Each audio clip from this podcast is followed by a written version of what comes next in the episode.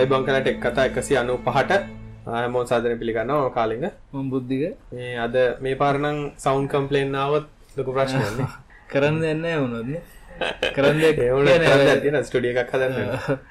මේකත් අපිට තව පොඩ්ඩක් බලන්න පුළන් යනන්නේ දැන් අන්තිම වෙලාවෙත් මේ මයික් වලට අර මේ මේකක් අලෝගෙනනේ අපේ හැම කොහෙන් ගියත්තර අට අට අටවන එකක් තියෙනවායි තමයින ගැන සම්පූර්ණයෙන් කම්පලීටඩක් වෙන්න නෑ ඒක උනේ අර මේ අපේ රිකයිමෙන්ට් එක පොඩ්ඩක් වෙනස්නේ. අපි කම්මැලි. වයර් ජැක් මයික් දැන් ගොඩක් අය රෙකෝඩින් කරන්න හොඳට කරන්නේ මයික් දාගෙන ඒකට හොඳ මික්සරයක් ගාගෙන සවුන්ඩ් කාඩ් එකක් ගහගෙන එහෙමනේ. හැබැයි අර දැන් අපේ අනික ඒගොල්ලෝ පෝස්ට් එඩිටින් ගොඩක් කරනවානේ. පෝස්ට් එඩිටින් කරනගෙන රෙකෝඩින් වෙන වෙනම කරලා ටික එක්කව කරලා ගානට හදලා දානවානේ. අපිට ඉස්සරත් මතකද බුද්ධික? සමහරලාට මාස ගණන් ගිහලා තමයි එපිසෝඩ් රිලීස් කරන්නේ. ඒත් එඩිට් කරන්න ඕනේ. එඩිට් අපි ඒ දවස්වල මේ නොයිස් රිමූව් කරනවා. ඊළඟට අර මැද කතා නොකර ඉන්න ඒ ටික කපනවා වගේ වැඩ කරනවානේ. දැන් කරන්නේ ගත්තයි දැක්ම හිතන්න ඔබන එකම් බොත්තම දැන් මට ගිය පාර සතියේ නම් අර මේ අපේ ලීඩින් මියුසික් එක දාන්නත් බැරි වුණා. මේ කරන්න එක්ස්පෝර්ට් කරා දැම්ම ඉවරයි. ඒ කාලින්ග මේ කවුරු හරි අහලත් තිබුණානේ මේ අර නෝ එඩිටින් පොලිසියකට මොකද වුණේ කියලා ගිය සතියේද නෑ ඒ පොලිසියක් කියන අපි ඇත්තටම මේ මේ කන්ටෙන්ට් එඩිටින් එක නෙමෙයි කරන්නේ අර අපි ඉස්සර මම හිතම බ්ලොග් පෝස්ට් එක ලියලා දැන් මොකද උනේ කියලා. ඒ කියන්නේ අපි කර අපි හිතුවා USB mic දෙකක් දාලා USB mic දෙක මේ ඇත්තටම ගහලා රෙකෝඩ් කරන්න ක්‍රමයක් හදාගන්න පුළුවන් කියලා. සාර්ථකව කරන්න එක ටූල් එකක් හම්බුනේ. සොෆ්ට්වෙයාර් නෑ හරියටනේ. USB input දෙකක් එක සැරේ අරන් වෙන වෙනම කන්ට්‍රෝල් කරලා මේ කරන්න පුළුවන්. එහෙම වුණා නම් ක්ලීන් සොලියුෂන් එක. ඔව්. ඇති සමාරවිට මේ කමශල්ලේ ඇති ඔය මේ නෑ අපි ගරාජ බැලව අපි ඔක්කොගෙන් බැලව. වස්ටේෂන් ලත් බැලවන ඒත් තිබුන්න නෑන දැනට ඉතින් වෙලා තියෙන අපි හැමෝම මේ ආයිගයා මේ කලිපොන් මයිකට කලිපොන් මයිකට ගහම ප්‍රශ් තියන බුද්ධික ද කමශල් ග්‍රේට් ලිපොන් මයික ගත්තොත්තේම ඒකට එක්සෙල්ලා රව් එකක් තියෙන. එතකොට ෆැන්ටම් පව දෙන්න ඕනේ. රැස ෆැන්ටම් පවතින මික්සර එකක් තියෙන්න ඕනේ. මික්සර ලව්ටි නයි කෝටයින් ජැක් එකක් හරිමක් කරේ අනික දැන් අපි තුත ගොඩක් අපිට රෙකමෙන්ඩ් කරන්න පුළුවන් අර සවුන්ඩ් කාඩ් එකක් ගන්න කියලා මයික් දෙකක් ගහන්න පුළුවන්. ඒ වුණාට අපේ දැන් ගොඩක් අය දැන් මේ දවස්වල අපි දෙන්න උනාට සාමාන්‍යයෙන් හතර දෙනෙක් හිටියනේ. අපි ඒක නිසා අනික දැන් ගේස් අල්චත් දෙටිකම පාත් වෙන්න ඉඩ තියෙනවා හර්ෂ මම කරේ ඕක කරගන්න ඕන පාත් වෙනවා. මේ කොමාරි හර්ෂ මේ අප්‍රේල් පළවෙනිද මම ගුලිය කෑවා. හර්ෂ දන්නේ ගොඩක් කට්ටිය කෑවා. හැම පාරම මගේ මේ ඕකිව මතකන ගිවිට ඉස්සල්ල පාර මං කරන පේපල් ලංකාට එනවා කියලා ආවා කියලා මම දන්න එක්කෙනෙක් ඉගැන මම දන්න ඔෆිස කෙමෙක් කෙනෙ දැන්නෑ විනිහා මේ විශ්වාස කරලා මුකුත් හොයන්න බලන්නතු තවත් එක්කෙනෙක් ලෑස්ති කරගෙන එදාම. මේ ගිහිල්ලා රට පොල් කටුවලින් හදන මේ විසිතර බාණ්ඩ තියෙන්නේ ඊබේ දාලා විකුණන්න.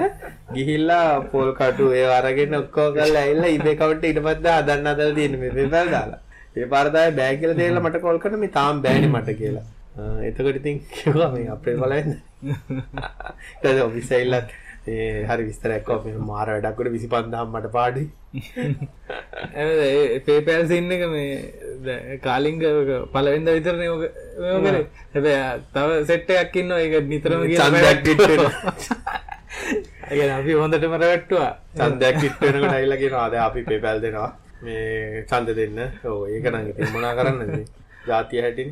හරි ප්‍රශ්න කරය මනේ බුද්ධික ඒකත් ගැන ඒකත් ඒ වගේ ප්‍රශ්නයක් ඇත ලූන්නලින් ඉන්ට්‍රෙඩ් ඔන්න දැන් මේ පාර ඊලන් මස්ක මේ දෙන්න යනවා ඉන්ටර් සැටලයිට් හර අපි මුලින්ම මේ කන්සෙප් එක කතා කරම් බුද්ධික. දැන් ගොඩක් හිතන්නවා දැන් මේ ෆ්‍රී වයිෆයි ෆ්‍රී ඉන්ටර්නෙට් ඒ කන්සෙප් එක වෙස්ටර්න් මේ කියන්නේ වෙස්ටර්න් කන්ට්‍රි වලක නැතිද නොමිලේ දෙනවා කියලා දෙයක් කරන්න බෑ. එකක් තමයි දැන් උදාහරණයකට නොමිලේ දෙනවා නම් දෙන්න අවශ්‍යම කම්පැනි තමයි Google මොකද ඒගොල්ලෝ ඉන්ටර්නෙට් පාවිච්චි කරන අයනුවට සල්ලි හොයන්නේ.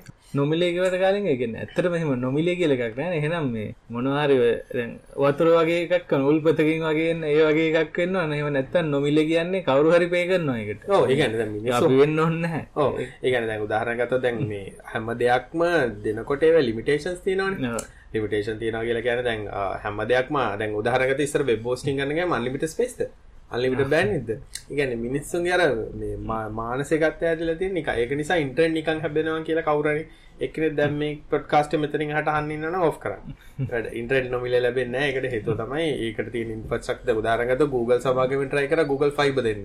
වන් ගිග බිට්ස සකන් ගෙදෙට්ට.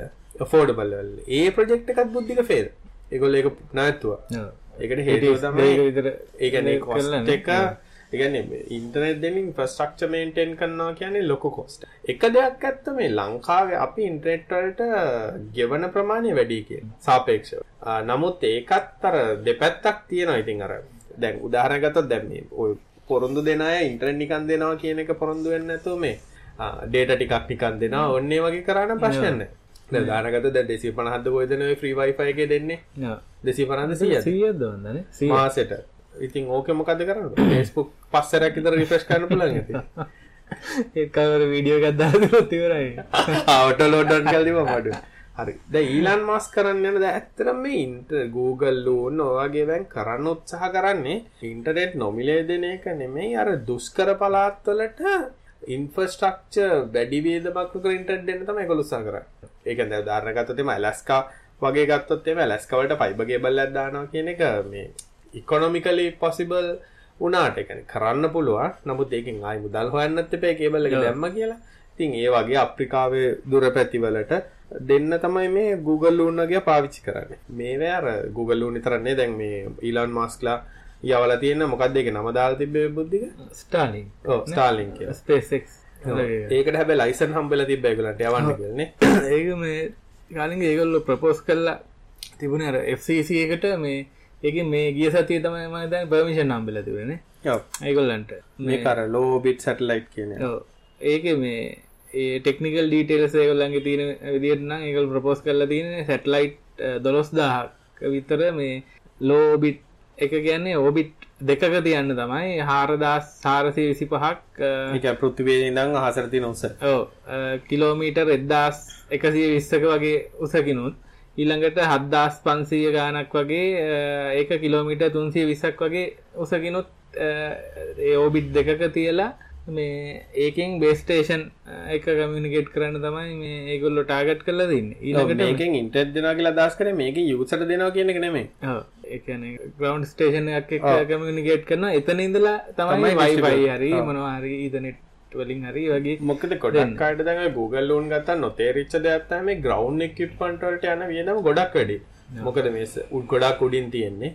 ඒවත් එක ලෝඩ් අර ලෝ ට්‍රාන්ස්මිෂන් පාවර් එක කමියුනිකේට් වෙන්නේ. ඊට පස්සේ මේ සැටලයිට් ඇව්වත් මොනා කරත් ඊළඟට වෙන ප්‍රශ්න තමයි මේ channel කියන ප්‍රශ්නය. දැන් උදාහරණකට ඉන්ඩිවිජුවල් යූසර්ස් ලාක උදාහරණකට අපි කියමු Wi-Fi කියලා. Point එකක් ගත්තොත් හැමතිස්සෙම limit එකක් තියෙනවා. කී දෙනෙක්ට Wi-Fi access point එකට connect වෙන්න පුළුවන්ද? දැන් ගෙදර Wi-Fi router එකක සාමාන්‍යයෙන් 10 දෙනෙක් කියලා තමයි කියන්නේ. ඊට පස්සේ වෙන්නේ router එක slow වෙනවා සහ ඊට පස්සේ ඒ කියන්නේ තියෙන channel ප්‍රමාණය අපි එකපාරකුත් කතා කරා. ඒ channel වල තියෙන බෑන්විත් එක අඩු වෙලා යනවා. මේක මොබයිල් වලට තියෙන ප්‍රශ්නයක්. මේක හැම දෙයකටම තියෙන ප්‍රශ්නයක්. මේ වෙනකොට දැන් සැටලයිට් TV transmit කරන එකට මේක අදාළ නැහැ. මොකද ඒක receive වෙන signal එක එකයි ඒක වෙනසක් නෑ. ඔව් ඒකෙත් මේ යවන්න පුළුවන් channel ගාන ඒකේ ප්‍රශ්නයක්. ඔව්. නමුත් අර receiving ප්‍රමාණය වැඩි වුණා කියලා මොකුත් වෙන්නේ නැහැ. නමුත් මේ වගේ සැටල් ඉන්ටර්නෙට් ගත්තොත් එහෙම ඉන්න යූසර්ස්ලා නෝ වෙනවා. දැන් මොබයිල් වල නම් කරන්නේ යූසර්ලා වැඩි වෙනවා ටවර් ගාන වැඩි කරනවා. ඉතින් ඒ වගේ අපි හිතමු Google ලූන් වලින් දෙන්න ගත්තොත් end users ලට සර්ව් කරන්න end user සර්ව් කරනවා කියන්නේ ඇත්තටම අන්තිමට පාවිච්චි කරන එක්කෙනා සහ Google ලූන් එක අතර කෙලින්ම සම්බන්ධ. වෙන මේ ground station එකක් නැතුව කෙලින්ම. ඕ දැන් ඊලාන් මස් කරන්න හදන්නේ මේ අර මේ ඉන්ෆ්‍රස්ට්‍රක්චර් කියන එක දෙන්න. ඉන්ෆ්‍රස්ට්‍රක්චර් කියන කියන්නේ උදාහරණකට ලංකාවේ ඉන්ටර්නෙට් බෙදෙන විදිය උදාහරණකට SLT ගත්තොත් ඒගොල්ලන්ගේ එක්ස්චේන්ජ් එකක් ගන්න කනෙක්ට් වෙන්න ෆයිබර් දාලා තියෙනවා. මේ ඉන්ෆ්‍රස්ට්‍රක්චර් කනෙක්ටිවිටි ෆයිබර් දාන එක වෙනුවට සැටලයිට් එකක් කරා පොයින්ට් දෙකක් ලින්ක් කරන්න තමයි මේක උත්සාහ කරන්නේ. ඒතකොට දුර පැතිවලට උදාහරණ ගත්තොත් අපි හිතමු ඉන්ටර්නෙට් හරි මොන හරි දෙන්න ඕන නම් දැන් ඉතින් සෙල් ටවර් එකක් කියමුකෝ. දුර පැත්තක සෙල් ටවර් එකක් දාලා සෙල් ටවර් එකේ හැටි හිතන්න අවශ්‍ය නැහැ කොහොමද ඒගොල්ලෝ කනෙක්ටිවිටි එතනට ගේන්නේ කියලා. එතකොට සැටලයිට් එක වගේ හරහා පාවිච්චි කරලා කරන්න පුළුවන්. එහෙම නැත්නම් Wi-Fi හරහා බෙදන්න පුළුවන්. ඒ වගේ දෙයක් කරන්න තමයි උත්සාහ කරන්නේ. ලංකාවට මේකෙන් කවරේජ් එකේද නැහැ. මේගොල්ලෝ කවර් කරන්න දැන් තාම ඇමරිකාව පමණයි. ඒක නිසා දැන් සමහරවිට අපේ කට්ටිය කියන්නේ ඇමරිකාව එක්කෙනෙක් කියලා අපිත් එක්ක කතා කරා මේ සැටලයිට් එකක් අපේ උඩින් යවනවා කියලා. කට අරගෙන බලන් ඉන්නේ වැටේ සමහර.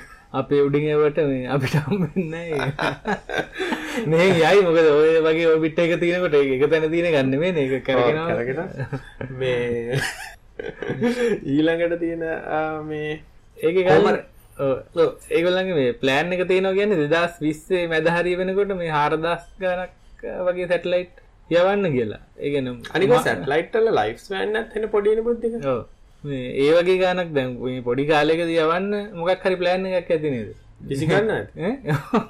පොකුරු පොකුරු එකට යවන්නේ වගේ මේ මට චීනේද ටෙස්ට් කරලා තිබ්බ කියලා ඒගොල්ලෝ අර එකපාර සැටලයිට් ගොඩක් ලොන්ච් කරන මොකක් හරි.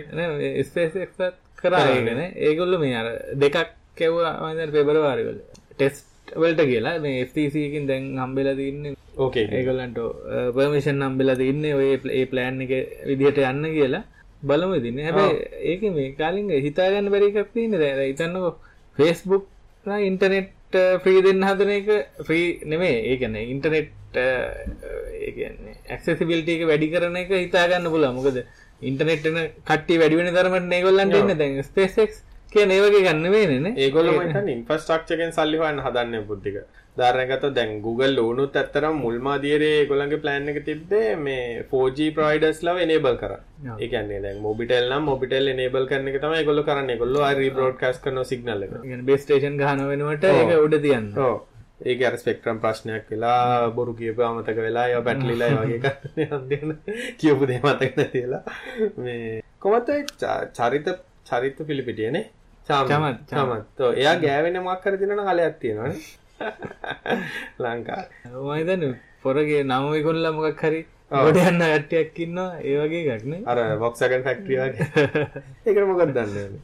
මේ මට මතක්කුණ ඉස්සර අපේ දේශපාලනය වගේ දේවල් කවදක්කට එක් කතාවල කතා කරන්නන්නේ වයස යනකොට ඒත් වෙනස් කරන්න කමෙන්ට් එකකුත් දාලා දෙවනේ මේ ඕෆ් ටොපික් යනවා කියලා ආ. ඒ වුණට නැත්තම පාඩමක් වගේ වෙනවා ඕ ඒ ගාන්ට තියාගන්න කම්මලින්නේ අපිට අපිටත්. කම ඒගෙන අපි අර ඉස්සර මේ වහනකොට අපිටත් කම්මැලි දෙන්න ඕ මොනාද බොම්ම කිය කොමරි දැන් අනික් අපි මේ පර පොල පොල්ලක තිබෙන මකද ගිවන් පොලු කියලා දන්න හර්ස ස්ටන්ඩ් පොල්ලා. ඒක අර පරණ ඩේටරම් වෙලවා ප්‍රඩික් කරන්න ටක් පොලු දන්නේ? මැසිල්ලනිින් ඔන්න නිකන් අර බැලු හම තේරනම එක පොල්ලක් කියලා ඊළඟ ටිකක් වැදගත් කතාවක් කතා කරන්න ඕනේ කියලා මට හිතෙනවා. දැන් මේ දවස්වල අර Cloudflare කට්ටිය බුද්ධික මේ DNS එකන්නේ DNS resolver එකක් එළියට දැම්මනේ. 1111 තමයි IP එක. මේකට වෙනසකට තිබ්බේ ආ, ඉස්සරට Google ලා ගොඩක් කලින් ඉඳන් තිබ්බේ 888 කියලා. ඉතින් මේ DNS ගැන කතා කරාම දැන් ගොඩක් අය දැන් ඉස්සර මතක ඇති බුද්ධිකේ ඉන්ටර්නෙට් යන කාලේ ආ ඩේටා කැපෙන්නේ DNS මාරු කරාම. ඔය වගේ අර නයි අරින කට්ටියක් හිටියනේ. DNS එක දාන්න Google එකේ එතකොට data කැපෙන්නේ. අර සිංගිති කතා කියලා ඒ වගේ ආ- මේවා ගන්න ඇත් ඉන්නවනේ. ඉතින් DNS ගැනයි VPN ගැනයි පොඩ්ඩක් කතා කරන්න ඉතින් මොකද ඒගොල්ලෝ ගොඩාක් ඒක ප්‍රොමෝට් කරන්න බුද්ධික මේ හරි ප්‍රයිවසි DNS එකක් ෆාස්ට් වෙනවා සිකියර් වෙනවා ඒ වගේ. um මෙහෙම දැනට ගත්තොත් එහෙම දැනට ISP ලගේ DNS වල ප්‍රොබ්ලම් එකක් නම් මම දැකලා නැහැ. බුද්ධික දැකලා තියෙනද ISP කියන්නේ දැන් ප්‍රොබ්ලම් උදාහරණයක් ගන්න ඔව්. පැත්තෙන්ද. ඔව්. මටත් එහෙම කියන මෙම ඇත්තටම DNS වලින් ඒක ෆ්ලෝ වෙන මට්ටමට එනවාද කියන ගානට නම් ඇවිල්ල නෑ මොකද අපේ ඊට වඩා නෙට්වක් වලින් මේ ලේටන්සේකම තියෙන. ඔව්. ඒක වෙන්න පුළුවන්. ඇබැයි DNS සින්දම ස්ලෝ ඒකන ස්පීඩ් අප්පුනා කියලන්න මට තේරල මාරු කරා කියලා. DNS වලින් ඇත්තට වෙන දේ සරලව කිව්වොත් එහෙම දැන් උදාහරණයක් ගත්තා අපි tekkata.com කියලා ටයිප් කරාම බ්‍රවුසර් එකේ කපාට tekkata.com එකට යන්නේ නැහැ. එයා කරන්නේ ඉස්සෙල්ලා DNS එකෙන් අහන tekkata.com කියන එක දුවන්නේ මොන IP එකේද කියලා. ඒක රිසෝල්ව් කරලා දෙන එක තමයි ඇත්තටම DNS එකෙන් කරන්නේ. ඒතකොට DNS එකෙන් කියනවා tekkata.com තියෙන්නේ 192.168 මොකක් කියලා IP එකක් දෙනවා. ඊට පස්සේ ඇත්තටම බ්‍රවුසර් එක කනෙක්ට් වෙන්නේ අර IP එකට තමයි. ඒතකොට මගේ අපේ බ්‍රවුසර් එක මගේ කම්පියුටරයි tekkata සර්වර් එක අතර කමියුනිකේට් කරන ඊට පස්සේ IP උඩ. ඒ දේ හොයලා දෙන්න විතරයි DNS එකක් අපිට අවශ්‍ය වෙන්නේ. එතකොට මේ ප්‍රයිවසි කියන එක මෙතෙන්ට අවශ්‍යද කියලා උනේ දැන් උදාහරණකට ওই වෙබ්සයිට් වහනකොට ප්‍රිමිටිව් මට්ටමේ වෙබ්සයිට් වහනකොට කරන්නේ DNS එකෙන් තමයි වහන්නේ.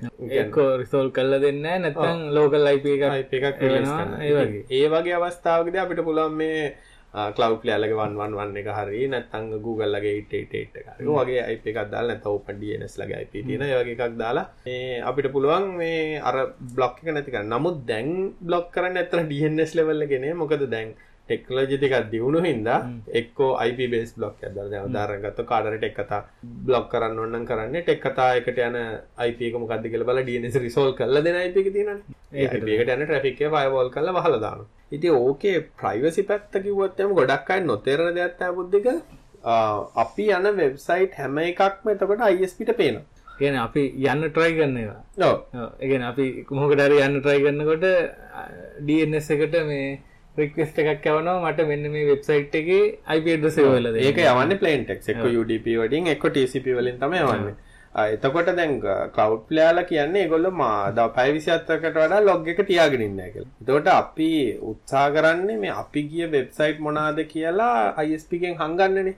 ඇත්තටම එතන හැංගීමක් සිද්ධ වෙන්න එකක් තමයි කලව් ෆ්ලයි අපි අතර මේ දැන් අපි මං මගේ මැෂින් එකට කලව් ෆ්ලයි Google DNS හරි දැම්මට පැකට් එක යන්නේ බුද්ධික plain එතකොට අපේ ISPට ඕනනම් මොනවාද මේ යන්නේ කියලා දැනගන්න. කොහොමද පැකට් ඉන්ස්පෙක්ෂන් කරාම පේනවා. ඉගන අර ට්‍රඩිෂනල් DNS පාවිච්ච කරනවා නම් ඒගැන ISPට හංගන්න බෑ නික ඩන සටිංගට කල DNS දැම්ම කියලා හංගන්න හෙමනත් ISPට ඊට වඩා මොල ඇති වැඩක් කරන්න පුල මොන DNS එක දැම්ම ඒගොලගේ DNS එක රිඩරෙක් කල පුල එතවට අපිට ඇතරම තේරෙන් දෙන්න ගොඩක් කලා ට්‍රන්ස්පේරන්ට විදිහට මේ එතකට අපි දන්නෙත් නෑ අපි හිතන්න මේ රිසල්ටෙන් එතනින් කියලා. එවනට ඇත්තරම යන්න වෙනතනක ඉති ඔයදේ මේව කරන්න නම් Google දැම්මත්තරන්න කලව් ඩියනස් දැම්මතරන්න උපන් ඩියනස් දැම්මතරන්න මුකුත් දැම්මට වැඩන්න ඇති ඔය පටිනාකමෙන් තමන්ගේ ඩියනස්සල ප්‍රහෝම සඩුන එකන අපි තෝ ඩියන රිසෝල් වෙන්න ඇර එනවා. ඒවගේ ප්‍රශ්නන මේ වගේ එකක් දැම්මම් සමල්ලට ප්‍රශ්න සිදන අවස්ථාවල් තියෙනවා.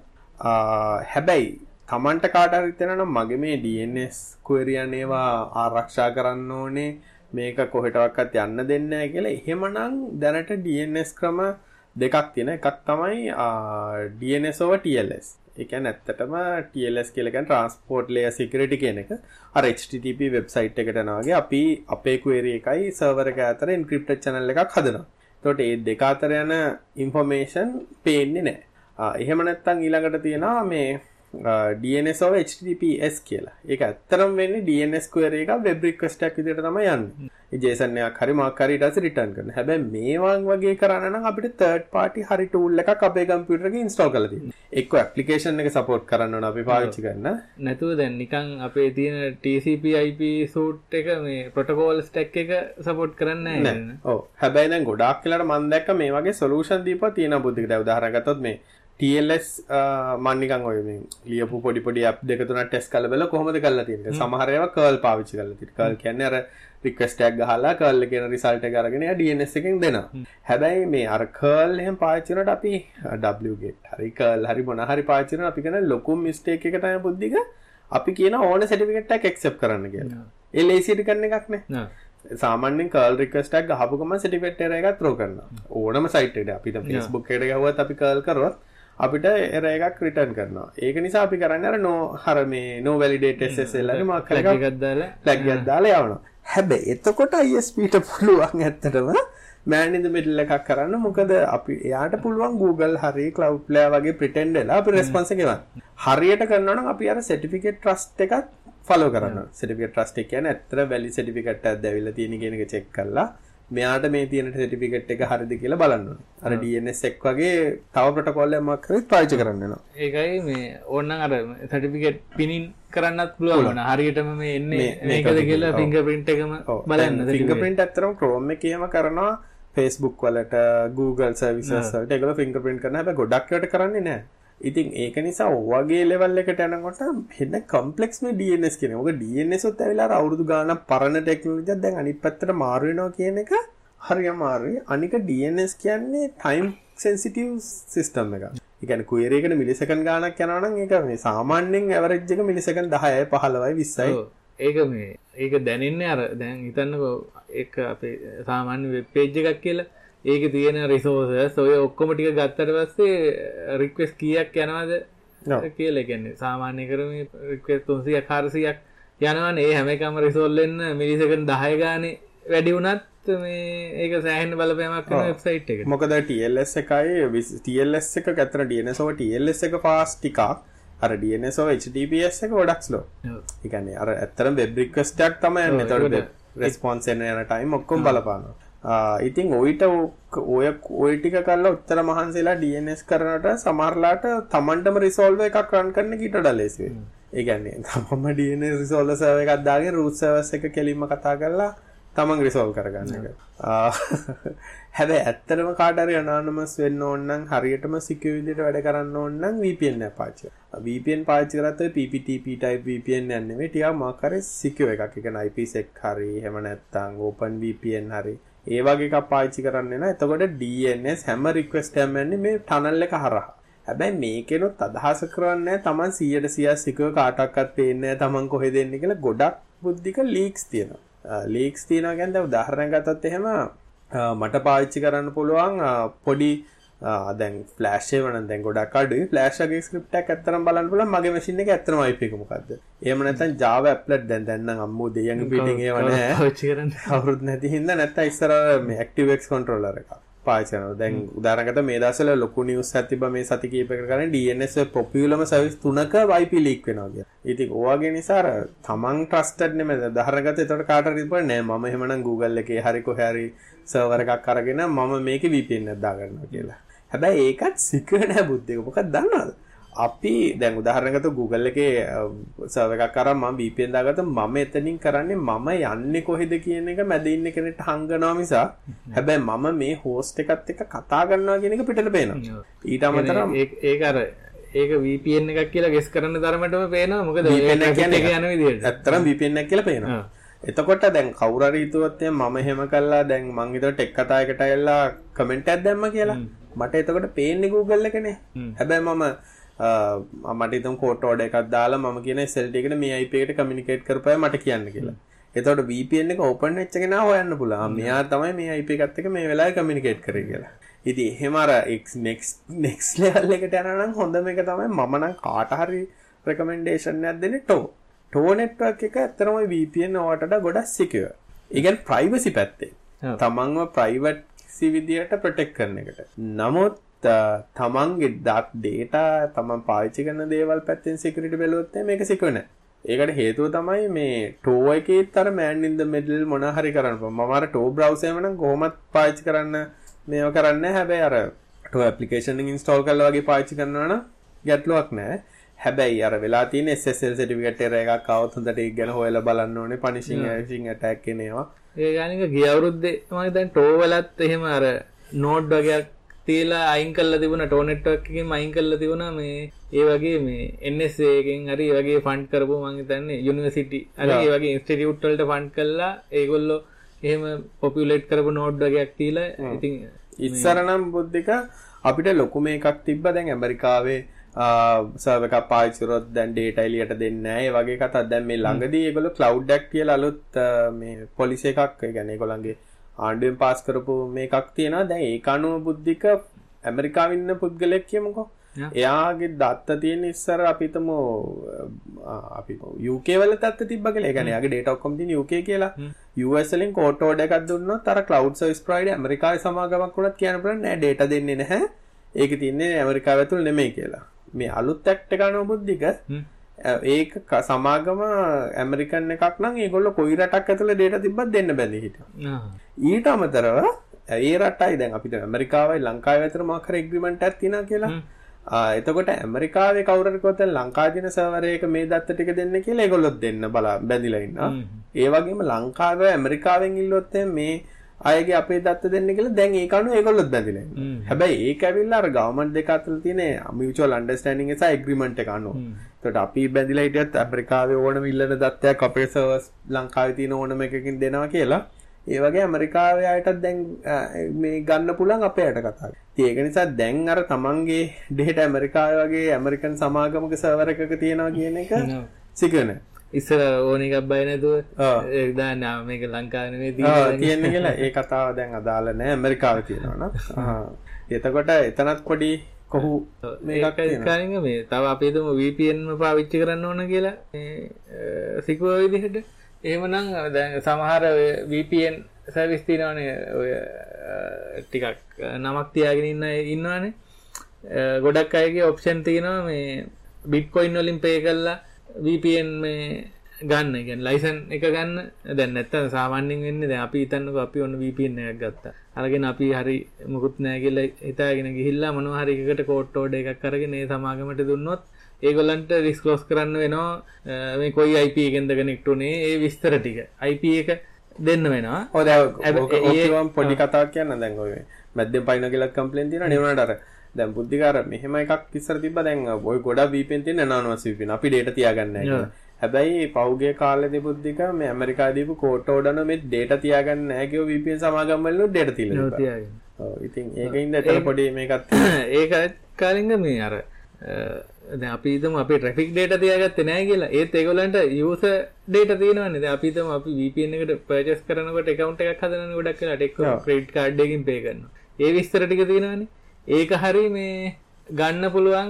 එතකොටත් කියන්නේ අපි කියලා අඳුර ගන්න පුළුවන් එතනින් මේ මොකද යූසර්ගේ ඩේටා තියෙන හින්දා.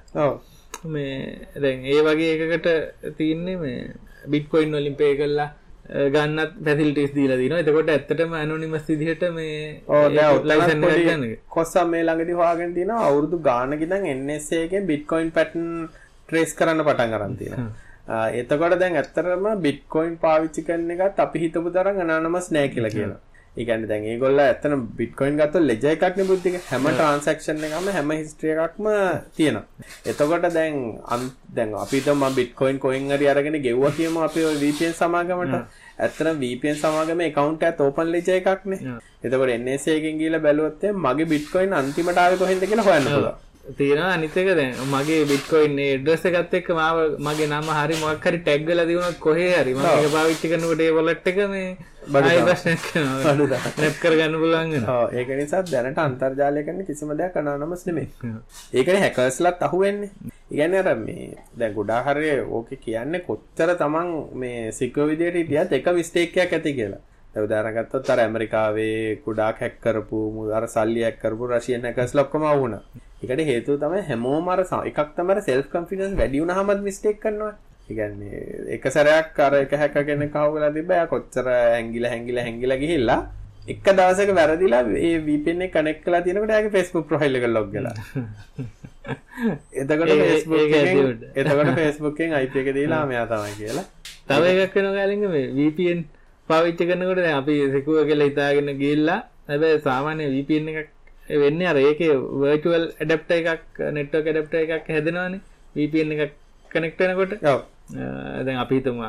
මේ කියන්නේ to site ගන්න මේ ඔව්, අපි. නිකන් මැෂින් එකකින් කනෙක්ට් වෙනවා. එතකොට වෙන්නේ VPN එක ඩිස්කනෙක්ට් වෙච්ච ගම ආපහු අර රවුටින් හැදෙනවා මේ පරණ විදියට. එතකොට යන්නේ අර කාඩ් එකෙන් නෙමෙයි නිකන් අපේ දින පබ්ලික් ඉන්ටර්නෙට් කනෙක්ෂන් එකේ යනවා එතකොට සමහර වෙලාවට අපි දන්නෙත් නැහැ VPN එක ඩිස්කනෙක්ට් වෙලා අපි.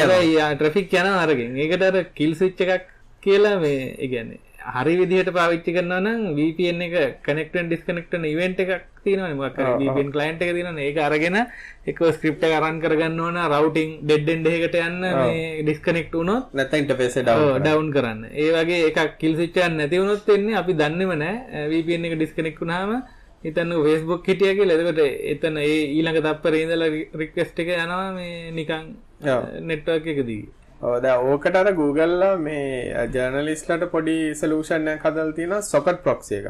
ඒගොල්ලෝ සොලියුෂන් එකක් හදලා තියෙනවා කොහේ හරි host කරලා මේ proxy එකක් විදිහට වැඩ කරන්න කියලා. proxy එකේ තියෙන එකම දේ තමයි proxy එක පාවිච්චි කරන බුද්ධික මේ traffic එක VPN එකක් විදිහට නෙමෙයි තියෙන web access HTTP normal HTTPS traffic එකක් විදිහට තමයි පේන්නේ. packet inspection කරනකොට. හැබැයි මේකේ තියෙන ප්‍රශ්නේ තමයි DNS leak වෙන ඒවා ඒවට උත්තරයක් නැහැ. හැබැයි අර යන ට්‍රැෆික් එක මේ නිකන් ඩේටා ට්‍රැෆික් එක යනවා මේ ඔව්. ඒකේ බ්ලොග්ස් එකකට. ඔව් දැන් උදාහරණ ගත්තොත් අර මේ කාලේ Facebook බ්ලොක් කරපු කාලේ කාට හරි හරියට කරන්න ඕන ක්‍රමේ තියෙනනේ හැම එකම VPN එකේ යන එක නෙමෙයි වැඩේ අදාළ traffic දැන් TOW Android TOW වලට තියෙන Android app එක ගත්තොත් එහෙනම් පොඩ්ඩක් මට කියන්න පුළුවන් මේ application විතරක් VPN එක හරහා යවන්න. ඒ කියන්නේ TOW එක හරහා යවන්න කියලා. එතකොට ඉතින් අර පොඩ්ඩක් traffic analyze කරන් ඉන්නට එකපාරටම highlight වෙන්නේ මේ මිනිස්සයා තනිකර යන්නේ VPN එකේ. ඉතින් කොයි දේ කරත් හරියට හොයලා බලනවා නම් ඉතින් ඒ කියන්නේ හොයන්න බැරි ප්‍රශ්නයක් නැහැ. එහෙමනම් ඉතින් අර disposable level එකේ කම්පියුටර් එකක් තියාගෙන free wifi එක log ගලා අපි අපි ඒ වගේ scenario එකක් ගමු හරි මට දැන් මට ඒ වගේ කරන්න ඕනේ. මම කරන්නේ ලැප්ටොප් එකක් ගන්නවා. ලැප්ටොප් එකක් අරගෙන වෙන මුකුත් කරන්නේ මම ඒක විතරයි පාවිච්චි කරන්නේ. කනෙක්ට් වෙන්නෙත් free wifi වලට යනවා කියලා. ඒත් කොහේ කාගේ හරි එකකින් එක රිලේ මොකක් රිලේ කරනවා මාක් කරගෙන ගල අපි තම කාට හරි මාව හොයන්න ඕනේ. එතකොට දැන් මම දන්නවනේ මම මේ IP එක මේ අවස්ථාවේ තිබ්බේ අහවල් කොෆි ෂොප් එකට හ්ම්. එතකොට ඒ කොෆි ෂොප් එක තියෙන්නේ අපි හිතමු කොල්ලු පිටියේ ගියමු. කොල්ලු පිටියේ මෙතන කොෆි ෂොප් එකේ මේ වෙලාවේ හිටපු මොබයිල් ෆෝන් මොනවද කියලා බලන්න පුළුවන්. මට මොබයිල් ඇති නග තට මොබයිල් ෆෝන් මනාද කියලා බලන්න පුලන් එතවට පැටනයක් හදන්න පුළ ඉළඟ දවසම වෙනක හැර කියනගේ මොබයිල් ටික ට්‍රක් කර අපිට මොබයිල් ෆෝන් දාහක් ට්‍රක් කර කියලා. ඔය අවස්ථාවට ටවර කරළඟට තීච්ච ඔය දාහෙන් පැටනයක් හදන්න පුළුවන් මේ. එක ඩේට අර බිග් ඩේට කියන එක මේක. දැ මේ වෙලාව මේ ෆෝන් එක මෙතින මෙතෙන්ට ගිය. මෙතින මෙතෙන්ටගේ යන යන්න තැන මේ ෆෝන් එකයි පැටන එක කිමියකත් එක ලොක් කරගත්තොත් සිමුත් මාරු කරන්නගේ ඒ ප්‍රශ්න ඉමියකත් එක්ක ලොක් කරගත්තා මේ පැටනයක් අයිඩෙන්ටිෆයි කරන්නුවන් ටික කාලකින්. ඉදස ඒ ටික ඊළඟට CCTV ෆුටේ ෆොට ඒ ටික ගත්තාම ඇති ඔයාගන්න ගොඩක් දෙයල් කරයි එහෙම කරනවන්න තියාගෙන ඉන්නවා ගෙදට කාවර දොට තට්ටු කරත් හාඩ්ඩිස්ක එක පුච්චලා ඒවගේ කරන්න බලාගෙන. ඕ ලේසි නැහැ. ගැන අද කාලේ ගැන එක. හොඳක් එකකාදක ගැනර කවුරරි ක්‍රයිම් එකක් කරලා ලේසියෙන් මේ ගොඩයාමක් බේරෙන්න්න බැරිකමක් එකන හොයනවනම් බේරෙන් අමාරු හරිට හොයන්න තිකත් අවන්න කම්වැලි මේක ආටරි හලා කති මොනහරි මංකලා කියල කිවත්තරන වෙන හොයන්න කරන්න හැබැයිතිකට සුක්්‍රාණ තිබ්බලක් ඩන්නේ කරලා බලන්න තිබ මටේ ජෝකය කැමතිස්සම කියන අරම පොඩි කාල වෙච්ච දෙයක් ඉද කිවල වන්නට එක් කතල කියලා තිනේ සිය පාර ඇතිනේ වීපිය ඇති මේ නිවස් මොනහරි කියලාද ගාරෙන් මේ නිවස් එකත්තින අපි එම්ඩි ගැන කියප කතා ඇත්ත.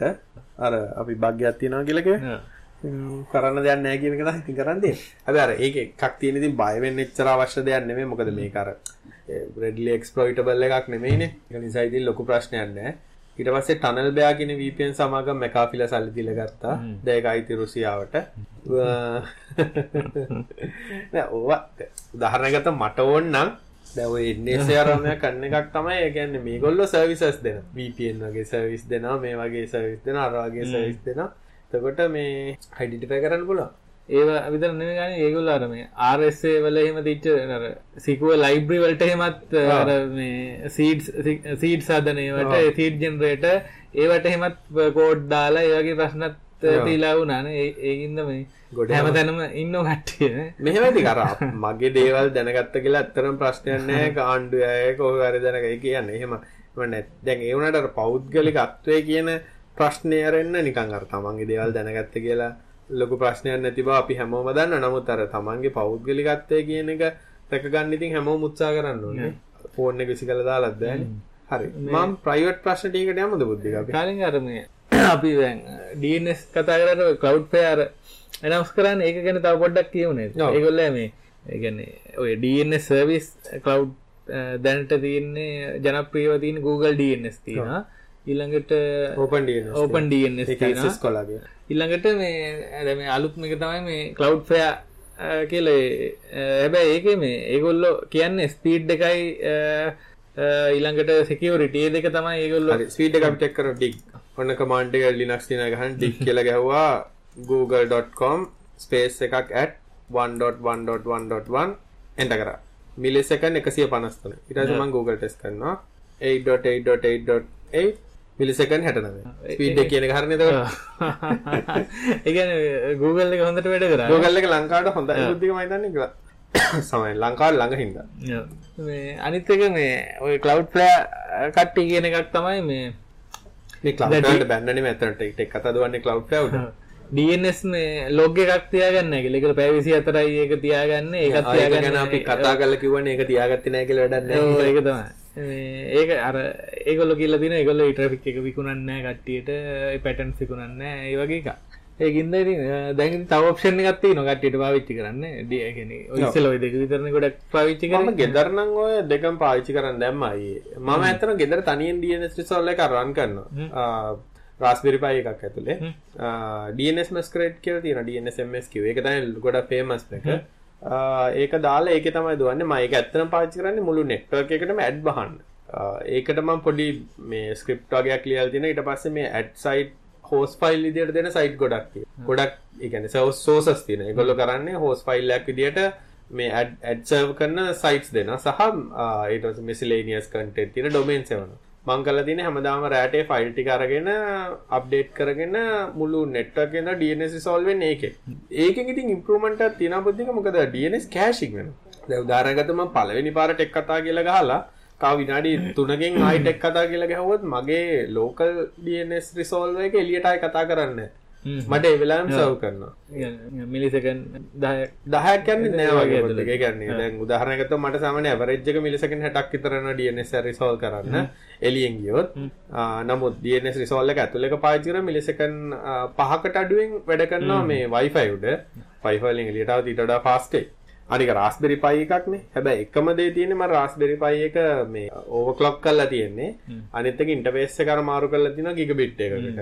හැබැයි ඕව අර රොක් පයින් වගේ එකක් පාවිච්චි කරොත් එහෙම මේ ඌට වඩා ෆාස්ට් වෙන්නත් පුළුවන්. අනිත් එක්ක කාලින් එහෙම එකක් දෙන්නගේ තව වාසියක් තියෙන අපි හිතමු අපි නිකන් ගෙදර තියෙන අපි ලෝකල් නෙට්වර්ක් එකේ සර්විසස් මොනවා හරි හොස් කරලා ගොඩක් තියෙනවා කියලා වැඩ කරගන්න. ඒ වුණොත් මේ අපිට මේ නේම් රිසෝල් වෙන්න දාන්න පුළුවන් මේ ලෝකල් එකට අපිට. එතකොට ඇත්තටම අපිට ගිහිල්ලා අපේ ඩොමේන් එකක් අරගෙන සබ් ඩොමේන් හදාද එහෙම කරන්න ඕනේ නැහැ. ලෝකල් රිසෝල් වෙන්න හදාගන්න පුළුවන්. මේ ප්‍රශ්න වලට යන් කියන්නේ නැතුව තව බුද්ධි ගත්තරියක් තිබ්බනේ නෑ තව එක නිවුස් එකක් තියෙනවා මේ ඒකත් පොඩ්ඩක් කියලා නේද? අර Apple මේ ඉවෙන්ට් එකක් තියලා iPad එකක් මොකක්ද මොකද ගුණේ මන් දන්නේ අතට ඒකේ කාලෙන් තියෙන ඒගොල්ලෝ මේ සැරේ මේ ඔය ඉස්කෝලවලට ළමයි ෆෝකස් කල්ල තමයි මේ ඒක ගෙනහැල්ල තින්නේ. මොකද ඒක වෙනම මේ ප්‍රයිස් රේන්ජයකුත් දීලා තියෙනවා මේ ස්ටඩන්ට්ලට මේ විදිහයි කියලා. ඒ අයිපඩ් එක කොල්ලු මේ ටාගට් කල්ල තින්නේ. ගොඩක් කලාවට ස්ටඩන්ට්ලට මේ අනිත්තක රැපල් පෙන්සිල්ල එකත් එකත් වැඩ කරනවා. හෙම සොෆ්ටය සූට් එකකුත් තියෙනවා ඊළඟට මේ ගුරුවරුන්ටත් තියෙනවා මේ ලේසියෙන් ඒගොල්ලන්ගේ පාඩන් හදාගන්න. ඒ වගේ එක මේ ඒක කියන්නේ මේ අර ක්‍රෝම්බුක් නේ දැන් වැඩි ජනප්‍රියයි කියන්නේ. මං කියන්නේ මෙහෙම US වල. ඔව් ඒ කියන්නේ ඇත්තට ඕක ලොකු ප්‍රශ්නයක් කියලා තියෙනවා. මොකද Chromebook වල ජනප්‍රිය වෙන එකම හේතුව ඒ කියන්නේ එක හේතුවක් තමයි බුද්ධික ගාන අඩු එක ඩොලර් සාමාන්‍ය ඇමරිකාවේ 250ක් විතර කියලා කියන්නේ ඊට අමතරව ඇඩමිනිස්ට්‍රේටිව් හරිම ලේසි කියලා කියන්නේ. ඒ කියන්නේ net ඔය ඉස්කෝලයක් ගත්තාම ඉස්කෝලේ IT ඩිපාර්ට්මන්ට් එකක් ඉන්නවා. ඒගොල්ලන්ට මේ ඩිවයිසස් මැනේජ් කරන්න බෑ. දැන් Google වල හරිම ලේසි. අනිත් එක තමයි ඩිවයිස් එකක් හැදුණා කියලා data නැති වෙන්න ඒක විසි කරා වෙන ඩිවයිස් එකක් දුන්නා මේ ඒ වගේ අනික Google ලගේ එන ලොකු ඇප්ලිකේෂන් සූට් එකක් තියෙනවා මේ ටීචින් වල. දැන් Google අදු ගාන ගත්ත Google Docs Google Sheets ගත්තොත් එමේ ඒ ටිකම මාරවන්න එඩිටිව් කරන්න ඒක නිසා ඉතින් ඒකට ගහන්න තමයි Apple මේක ගෙනාවේ. ඒක මේ ගණන් විදියට දාලා තියෙන ඩොලර් 299 කියලා මේ iPad එක ඉස්කෝල වලට දෙන්නේ. දැන් ඊළඟ ප්‍රශ්නේ තමයි ඕක අපිට ගන්න බැරිද කියලා ලංකාවේ බෑනේ. මෙහෙ මෙහෙ ටැබ් ටැබ් කේස් එක යට ගියානේ. ආ. ආ මොන ළමයින්ට ටැබ් දුන්නානේ. ඒ ඒ ඒකත් කාලින්ග මේ දනිෂ්ක වැඩක්ද? නෑ මේක මෙහෙම එක. අර දනිෂ්ක කරකෝන මොකක්ද දුන්නනේ කාලය. අර සෙල්ෆ් චාර්ජින් මොකක්ද ලැප්ටොප් එකක් Intel ලගේ. OLPC OLPC ඒවරනේ ලැප්ටොප් ෆචයිල් ටැබ් කේස් මෙහෙම එකක් තියෙන දාලිග ඒකට බෑ මම තන්න ඒක නෑ කියලා කිව්වේ ඒ සල්ලි අර අනිත් ඔය පහසුක මඩු පාසල් දියුණු කරන්න දානවා. එහෙම කියලා. මම හිතන්නේ ඒ දෙකම වෙන්න ටැබ් බම්බෙන්නෙත් නෑදකොට ඒ සල්ලි අර වැඩේට දාන්නෙත් නෑමනි අර හිතුනහම දැන් අපි මේ කවයට ගීල කවුර මෙම ඔය වෙන්න මේ දැන් වාඩිලයින්න ඇමතුම නර්ගද අපි මේ ළමයිට ටැබ් දුන්න ටැබ් හරි ලේසික කවර ටැබ් පෙන්න්න මොකද ටැබ් අල්ලපු ගත් නෙමේ ටැබ්දම කියන්නේ. මෙම කරන්න පුල අපිට මෙතන ළමයිට පාටමාලාටික මේකෙන් දෙන්න පුළුවන් එතකොට ෆීසිබිලිටි එකක් කරන්න මේ ස්කෝලේ ඉන්න ටීචර් ටැබ් එකක් පාවිච්චි කරන්න තේරෙනවද? ස්කෝලේ ඉන්ටර්නෙට් තියනවද? ස්කෝලේ මේ ටැබ් එකක් වැඩ කරන්න ඩිපාර්ට්මන්ට් එකක් ඉන්නවද? මේ ටැබ් එක කැඩුනොත් මොනවද කරන්නේ? අවුරුදු ගාණක් මේ ටැබ් එක පාවිච්චි කරන්න පුළුවන්ද? කිසි දෙයක් හොයන්න. හරි අපි එන ටැබ් දෙන්න කියලා කියන ටැබ් දෙන්න එල්ලකෝ ටෙන්ඩර් එකකුත් සෙට් ඊට පස්සේ ලැප්ටොප් ඩාන්ස් එකක් කරලා. මේ තියෙන ගාලින් මගේ නිකන් පර්සනල් වීව් එක දැ අපේ යාලුනත් ඔය වගේ එකක් ගෙනවාම කට්ටිය දැම ෆොටෝ දැම්ම අර කුඩහිලම් විභාග ලියනෝ ළමයි මෙහෙමයි එහෙම කියලා. මං කියන්නේ අර ඒක නැති කල්ලා හැම ස්කෝලම එක ගාන්ට අරගෙන ටැබ් දෙන්න හිටියත් ඒක ස්මට කාස්රෝම්මට ගත ඒක වෙන්න ඒක කොතරින් අරව පටන් ගන්නවන. මොකද ඕක නැතිවෙන්න දැ මම දකිනම ටැබ් අර බුද්ධ කියන කතා ඇත්වන ටැබ් එකක්ද මෙතන අවශ්‍ය කියනකත ප්‍රශ්නය ගැන ඕක කපුට එකගේ දුන්නන ගන ස්කෝට කපිට ලැබ් දුන්න මගේ විට මගේතන අර ස්මර්ට් ක්ලාස් රෝම් කියන මේ ඒ කන්සෙප් එක තියාගෙන ඒක නිකං පයිලට් එකක් දිට කරගෙන ඒ වගේ යන්න එකක් තමයි තිවිල්ල තිවුණේ කොමරි ඒකට මොනහරි ප්‍රශ්නය ඇවිල්ල කියල තමයි. ප්‍රශ්නේ ලොකුම ප්‍රශ්නේ අර වෙලා තියෙන වර්ධියට ගන්න එපා ගොඩක් වෙලාට ඉන්න ගුරුවරුන්ට සමහරවිට කම්පියුටර් හරියට පාවිච්චි කරගන්න තේරෙන්නේ නැහැ. කියන්නේ ආයෙත් ට්‍රේනින් එකක් දීලා නැහැ. අර ගුරුවරයෙක් වෙන්න ඕන කමට ගුරුවරයෙක් වෙලා ඊට පස්සේ කරන්න ගිහිල්ලා තියෙන මැත් ඒ උනාට IT ස්ටාෆ් එක නැති ඉඳ IT වලට දාලා ඒ වගේ වෙච්ච. මොකද මම පෞද්ගලිකව කතා කරනකොට කියන්නේ මම මේ IT වලට නෙමෙයි ගියේ මම මේ මේකට ගියේ මම ICT දැම්ම දෙන්න ඉතින් ඒව වරදි දකින්න බෑ. අර කියන්නේ මුළු මුළු මුළු ප්‍රොසෙස් එකම අවුල්නේ. ඉතින් ඒක නිසා අර මට ඒ කියන්නේ අපිට උනත් ඔක හදන්නේ කිව්වොත් එimhe කොහෙන්ද හදන්නේ කියන ඒ අපිටත් අර එහෙම මේ පුළුවන්. දෙන්න නූලා මේ වැරදි කියලා. බෑ අපිට කිව්වොත් එනම් ප්‍රපෝස් කරන්න කියලා ඔන්න කේස් එකක් කියලා මොකද. අපිට ඔක ඇනලයිස් කරත් බෑ. අගක් මුලක් හොයාගන්න උදාහරණ ගත්තොත් මම මට මේ ළඟදී එන්න කියලා තිබ්බා මේ ටික ළඟදී කියන්නේ අවුරුදු දෙකකට විතර කලින් විභාග දෙපාර්තමේ අධ්‍යාපන මේකට මේ ඉන්විටේෂන් එකක් දුන්නා තව කීප දෙනෙක් ඇතුළු අපි දන්න දන්න මේ කරන ඇත් ඇතුළු ළමයින්ට ලිනක්ස් උගන්වන්න. ඉතින් මාධ්‍ය ලිනක්ස් උගන්වන්න ඕනේ කියලා ගිහිල්ලා පස්සේ දැන් හන්තාන් ලිනක්ස් මොකක්ද කියලා එකක් දනිකල දනිෂ් කළ ඒ දවස්වල හදලා දාලා තිබ්බනේ. ඒක නෙමෙයි අලුතෙන් ආයෙ ඔපරේටින් සිස්ටම් එකක් හදනවා. වෙන මොකද්ද නමක්ද? ඉසුරු මොකක්ද මන්දයිද මම බැලුවා දැන් උබුන්තු අරාමයෝ එකක් තියෙන නෑ උබුන්තු බේස් තමයි ලේ එකක් හදන්නේ.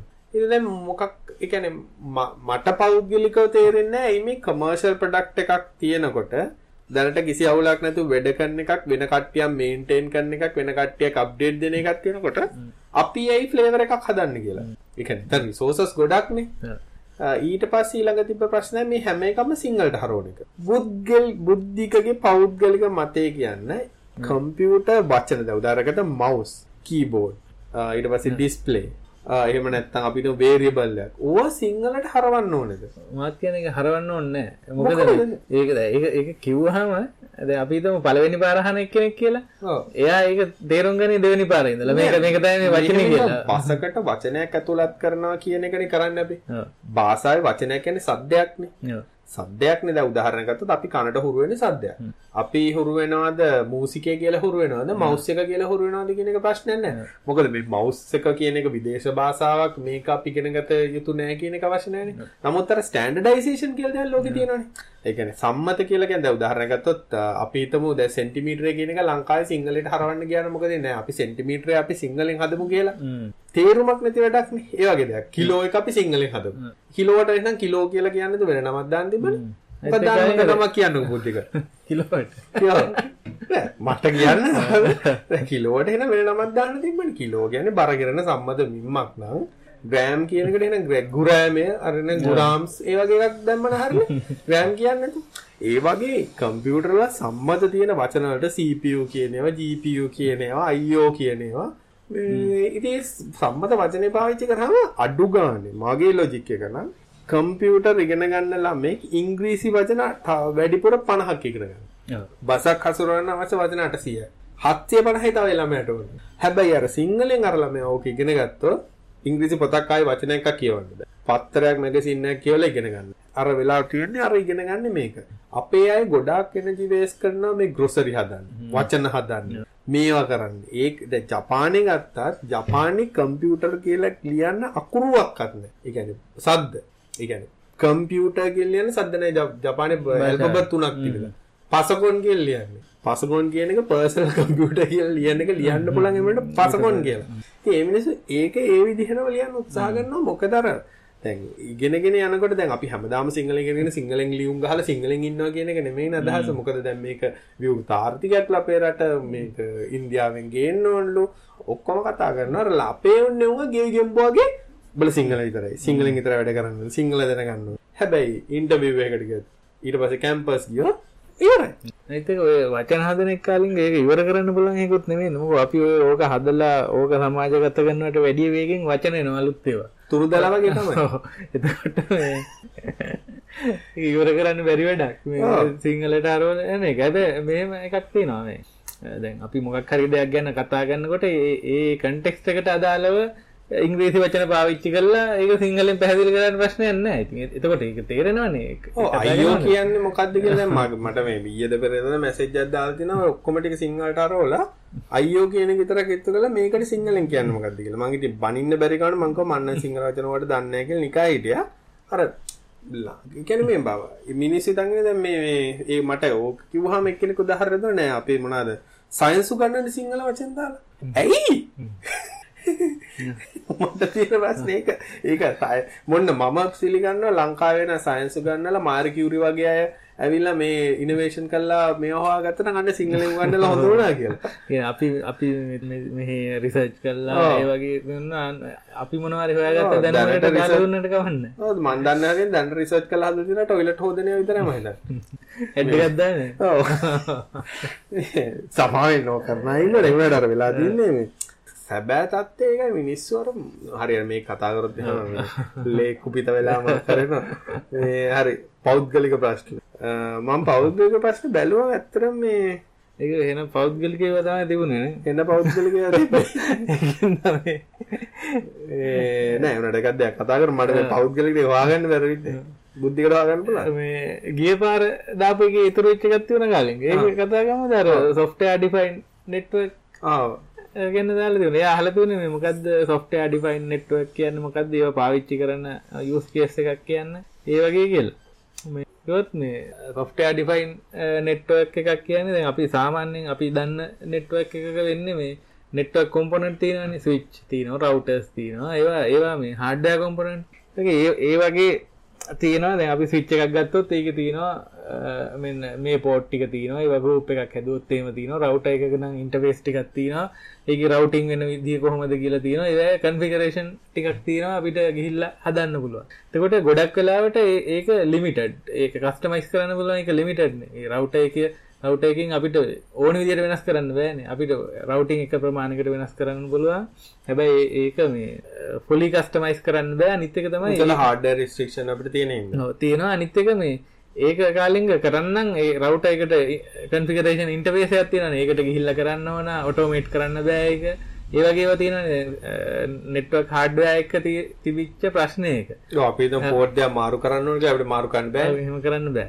දැන් ඇබැයි ඊළඟට දැන් අනිත් ඒවා දියුණු වෙනකොට අනිත්‍ය වගේ කියන්නේ අපි හිතමු දැන් ඇපලිකේෂන් වලට ඕන ඩිමාන්ඩ් එක වැඩි වෙනවනේ. කියන්නේ ගොඩක් කලාවට අනිත් සොෆ්ටයා කොම්පොනන්ට් සිස්ටම් වෙනස් වෙනවා සෑහන් ඉක්මට එතකොට ඒවට අර නෙට්වක් එකත් ඒ ඒ වගේ තියෙන පහසුකම්මනුව වෙනස් වෙන්න ඕමනාවක් තියෙනවා. එතකොට අර ට්‍රඩිෂනල් නෙට්වක් කොම්පොනන්ට වලට හඩ්ඩවලට එක කරන්න බෑ. මොකද ඊට වඩා ඉක්මට වෙනස් වෙන්න ඕන නෙට්වක් එකට පහසුකම් තියන්නවා එතකොට සොෆ්ටෑ ඩිෆයින් නෙට්වක් එකක් කියන්න ඇතරම මේ ඔය රවටිං හරි ස්විචිං හරි වගේ මේ තියෙනවා මේ හඩ්ඩය කොම්පනට් තියෙනවා. හැබැ ඒවා කන්ට්‍රෝල් වෙන්නේ සොෆ්ටෑවලි ඒක ඇත්තටම වෙන්න කාලිංග මේ සෙල්ෆි ඒක වෙන්න මේ දැන් සාමාන්‍යෙන් නෙට්වක් එක කර ඩේට ප්ලේන් එක කන්ට්‍රෝල් ප්ලේන් එක කියලා දෙගත්තිනවන කන්ට්‍රෝල් ප්ලේන් එක කියන්නේ අපි ඒකට යවන කන්ට්‍රෝල්ස් සිගනල් තියෙනවන්නේ මේ සිචිං වෙන්න ඕන කොහොමද? රවටිං වෙන්න ඕන කොමද කිලේ ඩේට ප්ලේන් එක කියන්නේ මේ ඩේට මේ පෝට් එකින් අවත් ෆෝඩ් වෙන්න කොහොම ගන්න වෙන කාද විඩිය එක දුදිකන් පොටකට ලස්සන්ට ඇදලා ඊළඟට සොෆ්ට ඩිෆයින් නෙට්ව එකකින් වෙන්න ඒවගේ තියෙන හාඩ්ඩ කොම්පොනට් තියෙන හැබැ ඒවා කන්ට්‍රෝල් වෙන්නේ කන්ට්‍රෝල් සෙන්ට එකකින් වෙනම නෝඩ් එකකි එතකොට දැ අපිතමු අපි ඩඟ රවටර ගත්තින අපිට ඔය රවට එක ඩිමාන්්ඩ ගනු වෙනස් කරගන්න ඉන්ටවේස් මැප් කරන එක වෙනස් කරන්න ඕන රවටිං වෙනස් කරන්න ඕන වෙන කිවෝස් වෙනස් කරන්න ඕන වෙන ඔය හැම එකම කරන්න ඕන මේ පොඩි වෙලාවකදී. කියන අපිතමු ඒ නෙට්වක් එක ලෝඩ් වෙන ඒවා අනුව ඊළඟට ඇපලිකේෂන් එක තියෙන කන්ෆිකරේෂන් අනුව. එතකොට එහෙම දෙයක් වුණොත් එහෙම මේ කරන්න පුළුවන් එකම දේ තමයි සොෆ්ටෑ ඩිෆයින් නෙට්වක් එකට යන එක. මොකද මේ හාඩ්වයාවල තියෙන ලිමිටේෂන් වලදී ඒ වැඩේ කරන්න බෑ රවටිං කියන්නේ ස්ටටික් එකක් එතකොට. ඊළඟට කාලිංග මේකට මේ තව ඕනි වෙන එකක් තමයි මේ ද ඔය දෙක එකටම කතා වෙන එකත් තමයි මේ සොෆ්ටයා නෙට්වක් ෆංචන් වර්චුවලයිසේෂන් ගෙන එකන ඒ ඒකත් අපි කිවොත් එහෙම මේ නැවි වර්ටලයිසේෂන් කියනක දන්නවන. දැ ඕන කෙනෙක් දන්නවා වර්ල දන්නා කියලා පිහිතන් කියලා අන්දන කට්ටි වන සරම සරල කිවරන කියලා. සමාරයගෙන සිංගිති අතරල දිට කතා කරන්නවා ඒක බැලන්සක ඔයාගන්න මාරමාරුවන කොතරින්ද කතා කරන්නගේ අවර්ටලයිසේෂන් කෙනෙ කියමුකු. ඒ ගැන්න අපි සාමාන්‍යෙන් හාඩ්ඩා රිසෝස් තියනේ හාඩ් ඩිස්ක එක ප්‍රොසෙසර් එක ඒ වගේ දේවල් මෙමරිය එක.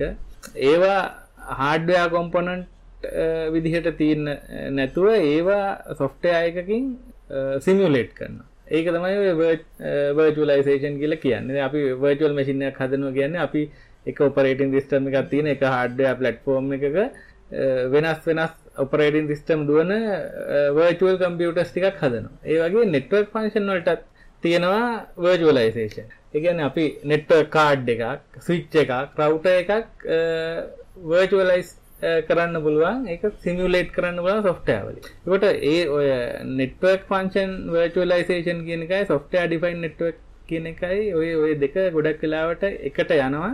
මොකද මේ අලුත් තිස්ටම්මල තියෙන ඩිමාන්්ඩ එක අනුව ඒ වැඩ කරගන්න ඔය දෙකම ඕනි වෙනවා. සොෆ්ටෑ ඩිෆයින් නෙට්වක් වලට උදාහරණ හල තිවුණ කාලිංග අපි මේ දෙන්න පුළුවන් හොඳ උදාහරණයක්ත්තම කලව් කම්පියටින් ඔව්. දැන් මතකැති දැන් කලව් දෙන්න කලින් අපි සාමානෙන් හොස්ටිං කරන්න නම් අපි එක ඩෙඩිකේටඩ් ගන්න නැත්තන් ෂයාඩ් ොස්ටිං ගන්න ඉළඟට අපිට ඒකට නෙට්වක් ඉන්ටවේස් එකක් අලුතෙන් ගන්න හරි නැත්තං ඒකට ෆයවෝල් දාගන්න හරි ෆයවල් නතිවන සොෆ්ටය ෆයවල් ඉළඟට අපිට මුලෝඩ් බැලන්ස එකක්දා ගන්න හරි සෑන්න කරදර විදිහට තමයි ඉස්සර තිබුණ. ඇබැ දැන් දේට දැන් ට කියලා ගොල හඩ්ඩ කහයි කල්ලා මෙච්චරක් ගවන්න ඕන කියලා. සුමාන දෙයක් විතර ප්ලෑන් කල්ලා ඉඳලා මේ ඒ වගේ එකක්. හැබැයි දැන් මේ ලෝඩ් බැලන්ස එකක් වගේ දාගන්නවා කියන්නේ මේ විනාඩි ගානක වැඩක්. මේ ක්ලවුඩ් එකක. අපිට ඔන්න නෝට් ටික හැදවා ඒ ටික දැම්ම ඇල්ගොරිදම් එක දැම්ම සටිෆිකෙට් ඕන්න ඒ ටික දැම්ම. ඊළඟට ඒවා ඔටෝමේට් කරන්නත් පුළුවන්. අපි හිතමු අපේ ලොකු ඩිප්ලොයිමන්ට් එකක් තියෙනවා නම් අපි වර්චුවල් මැෂින් 100ක් විතර හැදෙන්න ඕන ඒකට වෙනම නෙට්වර්ක් ගෲප් හැදෙන්න ඕන ඊළඟට ලෝඩ් බැලන්සර්ස් එන්න ඕන මොනිටරින් එන්න ඕන. බීලන්ස දෙන්න ඕනේ. ඔව්, ඒ ඔක්කොම ඔටෝමේට් කරන්නත් පුළුවන් මේ ඩිප්ලොයිමන්ට් ස්ක්‍රිප්ට් එකකට ලියලා කරන්නත් පුළුවන්. ඒ- හොඳම උදාහරණයක් තමයි ඒක මේ software defined network පාවිච්චි කරන්නේ කොතනද කියන එක. මේ අනිත් එක තමයි කාලින්ග මේ ඔය අපි 5G ඔව්. නෙට්වර්ක් කතා කරනවා. ඒකත් 5G ඇත්තටම හොඳ උදාහරණයක් මේ 5G තව ඉම්ප්ලිමන්ට් කළා. කමර්ෂියලි ආවේ නැති වුණාට ඒක මේ ටාගට් ටික කලින් අපි 5G කියලා. ඇඩ්ඩිම දෙමන මේ ඒක 5G ටාගට් කරන්නේ සොෆ්ටයා ඩිෆයින් නෙට්වක් සහ නෙට්වක් ෆංක්ෂන් වර්චුවලයිසේෂන් කියන දෙකම පාවිච්චි කරගෙන තමයි 5G ඇචිව් කරන්න හදන්නේ කොල්ල මොනහරි තියෙනද කාලින්ග කරන්න එකට? ඇත්තරම දැන් ඔය මේ නෙට්වර්ක් විතරන්නේ software defined radios නම් තියෙනවා. ඔව්. ඔව් ඒ- ඒකත් පොඩක් කතා කරමුනේ ඒ මේ අපි දැන් අර ඉස්සර අපි රේඩියෝ රිසීව එකක් හරි ට්‍රාන්ස්මිටර් එකක් හරි කියලා අපි ගන්න ඔන්න අපි දන්න ඒකට වෙන්න මේ රේන්ජ් එකේ තමයි ඔක වැඩ කරන්න පුළුවන්. බොහොම පොඩි කොයිල් bandwidth 50 එකක් කොයිල් තියෙන එක. 50ක් විතර ඔතාගෙන එක්ක IF හරි මොනවා හරි තියලා ඒක කරකවල ගාන්ට සෙට් කරගන්න ඕන අත ඇගිලි එහෙම රන් කරනට ෆ්‍රීකවන්සි වෙනස් වෙනවා.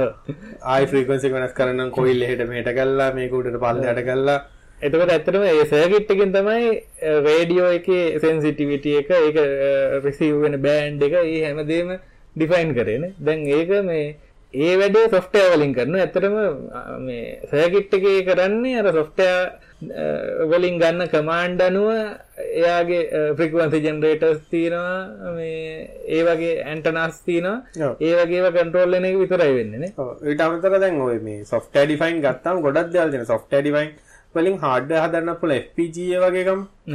FPGA වගේ කියන්නේ ඇත්තටම IC එකක් වගේ එකක්. කිසිම ෆංක්ෂන් එකක් ඩිෆයින් කරප එක. එතකොට අපිට පුළුවන් IC එක ඇතුලේ අපිට logic gates හදන්න පුළුවන්. එහෙම නැත්නම් මෙමරි ඇඩ්‍රස් කරන්න පුළුවන්. ගොඩක් ඒ කියන්නේ ඇත්තටම අපි බ්‍රෙඩ්බෝඩ් එක හදනවා වගේ සර්කිට් එකක් FPGA එක ඇතුලේ හදන්න පුළුවන්. FPG එක කියන ලොකු ස්විච් බෝඩ් එකක් වගේ. අපිට ස්විච් ඔන් ඔෆ් කරලා පාත් හදලා. මේ ඉන්පුට් එක ගහම අවුට්පුට් කොහොමද යන්න ඕන ඒ විදිහේ හදා ගන්න පුළුවන්. ඔව් දැන් ගොඩාක් අය මේ ප්‍රොසෙසර් එකක් උනත් ඩිසයින් කරන FPGA ඇතුලේ. ඒ කියන්නේ දැන් අපි හිතමු අපිට පොඩි වැඩක් කරන්න ම- මේක මයික්‍රෝ කන්ට්‍රෝලර් එකක් ඕනේ කියලා. දැන් අපි හිතමු Arduino එකක් මට හදන්න ඕනේ කියලා. නමුත් මට ATM එක එක පාවිච්චි නොකර මේ FPGA එකක් පාවිච්චි කරලා ATM එක 328 එක එමුලේට් කරන්න. ඒක නැත්තරම කිව්වස් software වලින් මට define කරගත්ත හැකි 80 මෙගා එකක් අර මේ FPG එක ඇතුලේ. ඔය ෆීල් ප්‍රෝග්‍රෑමබල් ගේට් ඇරේ කියලා කියන්නේ. ඉතින් ඕවා ඕවා තමයි ගොඩක් දැන් පාවිච්චි කරන්නේ අතරම කියන්නේ වැඩ කරන්නේවට දැන් අර ඔක්කොම අර කන්ට්‍රෝල් ඒ මෝ වෙන සොෆ්ටෑවල්ටන සොෆ්ටයකින් තමයි කන්ටරෝල් එන්නේ කුසිම ලෙට් කරන එක සොෆ්ටය එකක් ඇතුල. තමරලාවට මේ ඒක එලිය නැතිවෙන්නවත් පුළුවන්න ඒක නිසා දැන්ර දැන් උදාරනගත දැම් ප්‍රඩක්ටක් FPG එකක් දාලා හදලා අපිටි තුනොත්තෙම ශා මේ සර්ගිට්ටක මෙතන මේටික පොඩ්ඩක් වෙනස් කරනම් හරි කියලා හිතුණා දැන් දැන් තියෙන විදිහට අපි සර්කිට් එක හදලා මිනිස්සුන්ට බඩු වික්කට පස්සේ අපිට ඇත්තට ඒක වෙනසක් කරන්න බෑනේ. නමුත් FPG එකක් වුණොත් අපිට අර ඉන්ටර්නල් සර්කිට්‍රි එක උනත් වෙනස් කරගේ සොෆ්ට්වෙයාර් අප්ඩේට් එක. ඒක සමහරවිට ඕවර් අප්ඩේට් එකක් කරන්නත් පුළුවන්. ඒ කියන්නේ කෙලින්ම නෙට් එකට කනෙක්ට් කරලා සොෆ්ට්වෙයාර් එක ඩවුන්ලෝඩ් කරලා දැන් ඒ වගේ තමයි දැන් මොබයිල් බේස් ස්ටේෂන් උනත් වැඩ කරන්නේ. මොබයිල් නෙට්වර්ක්ස් උනත්. ඒගොල්ලන්ට අලුත් මේ වර්ෂන් එකක් හරි අලුත් මොකක් හරි ෆීචර් එකක් එනවා කියලා කියන්නේ සොෆ්ට්වෙයාර් එකක් අප්ඩේට් කරනවා වගේ තමයි. ඒ කියන්නේ ඒගොල්ලෝ රේඩියෝ සේමත් ඒ විදිහට තමයි වැඩ කරන්නේ. ඒක නිසා තමයි මාත් හිතන්නේ ගොඩක් කරාට දැන් 4.5G වගේ 4.75 වගේ අප්ග්‍රේඩ් වෙනකම්ම කරාට ලොකු අප්ඩේට් නැහැ.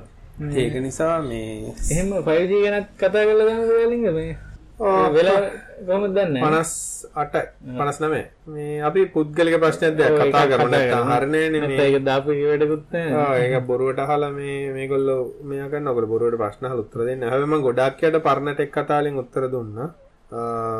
පලාගෙන බලාගෙන පල්ලෙහාට යනවා. වාහනය සර්විස් කිරීමේදී ඇතිවෙන ගැටලු කතා කරමු. විශේෂයෙන් බොහෝ අය නිසි පරිදි හොදන්නේවත් නැහැ. හෝදන එක ගැන කතා කරමු. වාහනය සර්විස් කරන එක පැත්තකින්ම තියලා හෝදන එක ගැන කතා කරමු. අනිත් එක හෝදන එක සර්විස් කරන එකට අදාළවත් නැහැ නේ. ඔව්. ඒ අපි සාමාන්‍යයෙන් සර්විස් මේන්ටෙනන්ස් කරනවා කියලා එක නෙමෙයිනේ. මැනුවල් එකේ තියෙන හෝදන්න කියලා නෙමෙයි. එක. වාහනේ එන්ජිමට තෙල් ගහන්න එපා. වාහනේ බොඩියට තෙල් ගහන්න එපා. ලාම්පු තෙල් වාහනේ යටට තෙල් ගහන්න එපා. කොහෙටවත් තෙල් ගහන්න එපා. එන්ජිමේ අර මේ මූඩි අරලා ඒක ඇතුළට දාන තෙල් ටික අර. තෙල් ගහන්න කියලා කොහෙවත් දැනක් නැහැ. තෙල් ගහනකොට මම දැකලා තියෙනවා මේ වාහනේ ඩෑෂ්බෝඩ් වලට තෙල් ගහන. දිලිසෙන්න පේන්නේ. දැන් මම දැන් අව වැටුනම අමාරුයි වාහනේ ඇතුලේ ඉන්න. මේ ඊට පස්සේ මම දැන් අර ඕකේ එන්ජිමට තෙල් ගහන්න එපා කියන එකේ ලොකු දෙයක් තියෙනවා. එකක් තමයි මේ තෙල් වලින් ප්ලාස්ටික් දිරනවා. රබර් හෝස් ගල් වෙනවා. ඒ කියන්නේ ෆ්ලෙක්සිබිලිටි එක නැති වෙනවා. ඒක නිසා මම අර මන් දැන් කාර් එක සර්විස් එකට දානකොට පොඩි මේ A4 එකක ලියලා එන්ජින් එක උඩින් අලවල එනවා. මේකට තෙල් ගහන්න එපා කියලා. මේ කම්පැනි වලත් කරන එකක්. ඒ කියන්නේ සර්විස් ස්ටේෂන් වලනේ ඒක අංක එක.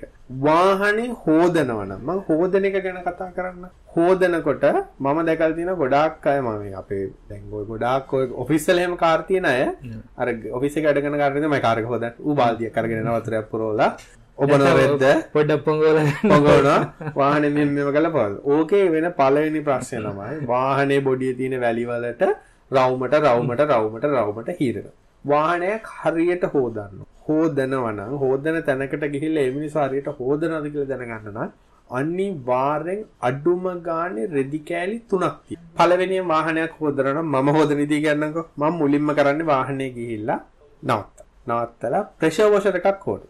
ප්‍රෙෂර් වොෂර් එකක් නැත්නම් අඩු ගානේ හෝස් එක අරගෙන අර ඇඟිල්ල තියලා පොඩ හයියෙන් එන්න හරි අල්ලා ගන්න ඕනේ. මුලින්ම කරන්න ඕනේ හොද්දට වාහනේ හැමතැනම මඩ තියෙන දැන් ටික අහුවෙන්න සහාර මේ ලූස් ඩෙබ්‍රි කියන්නේ කියන්නේ අර මොකක් හරි වතුර පාරක් ඇදෙනවා ගැලවිලා යන ටික තියෙන. ඒ ටික යන්නේ එකපාරක් හොඳට වතුර අල්ලන්න.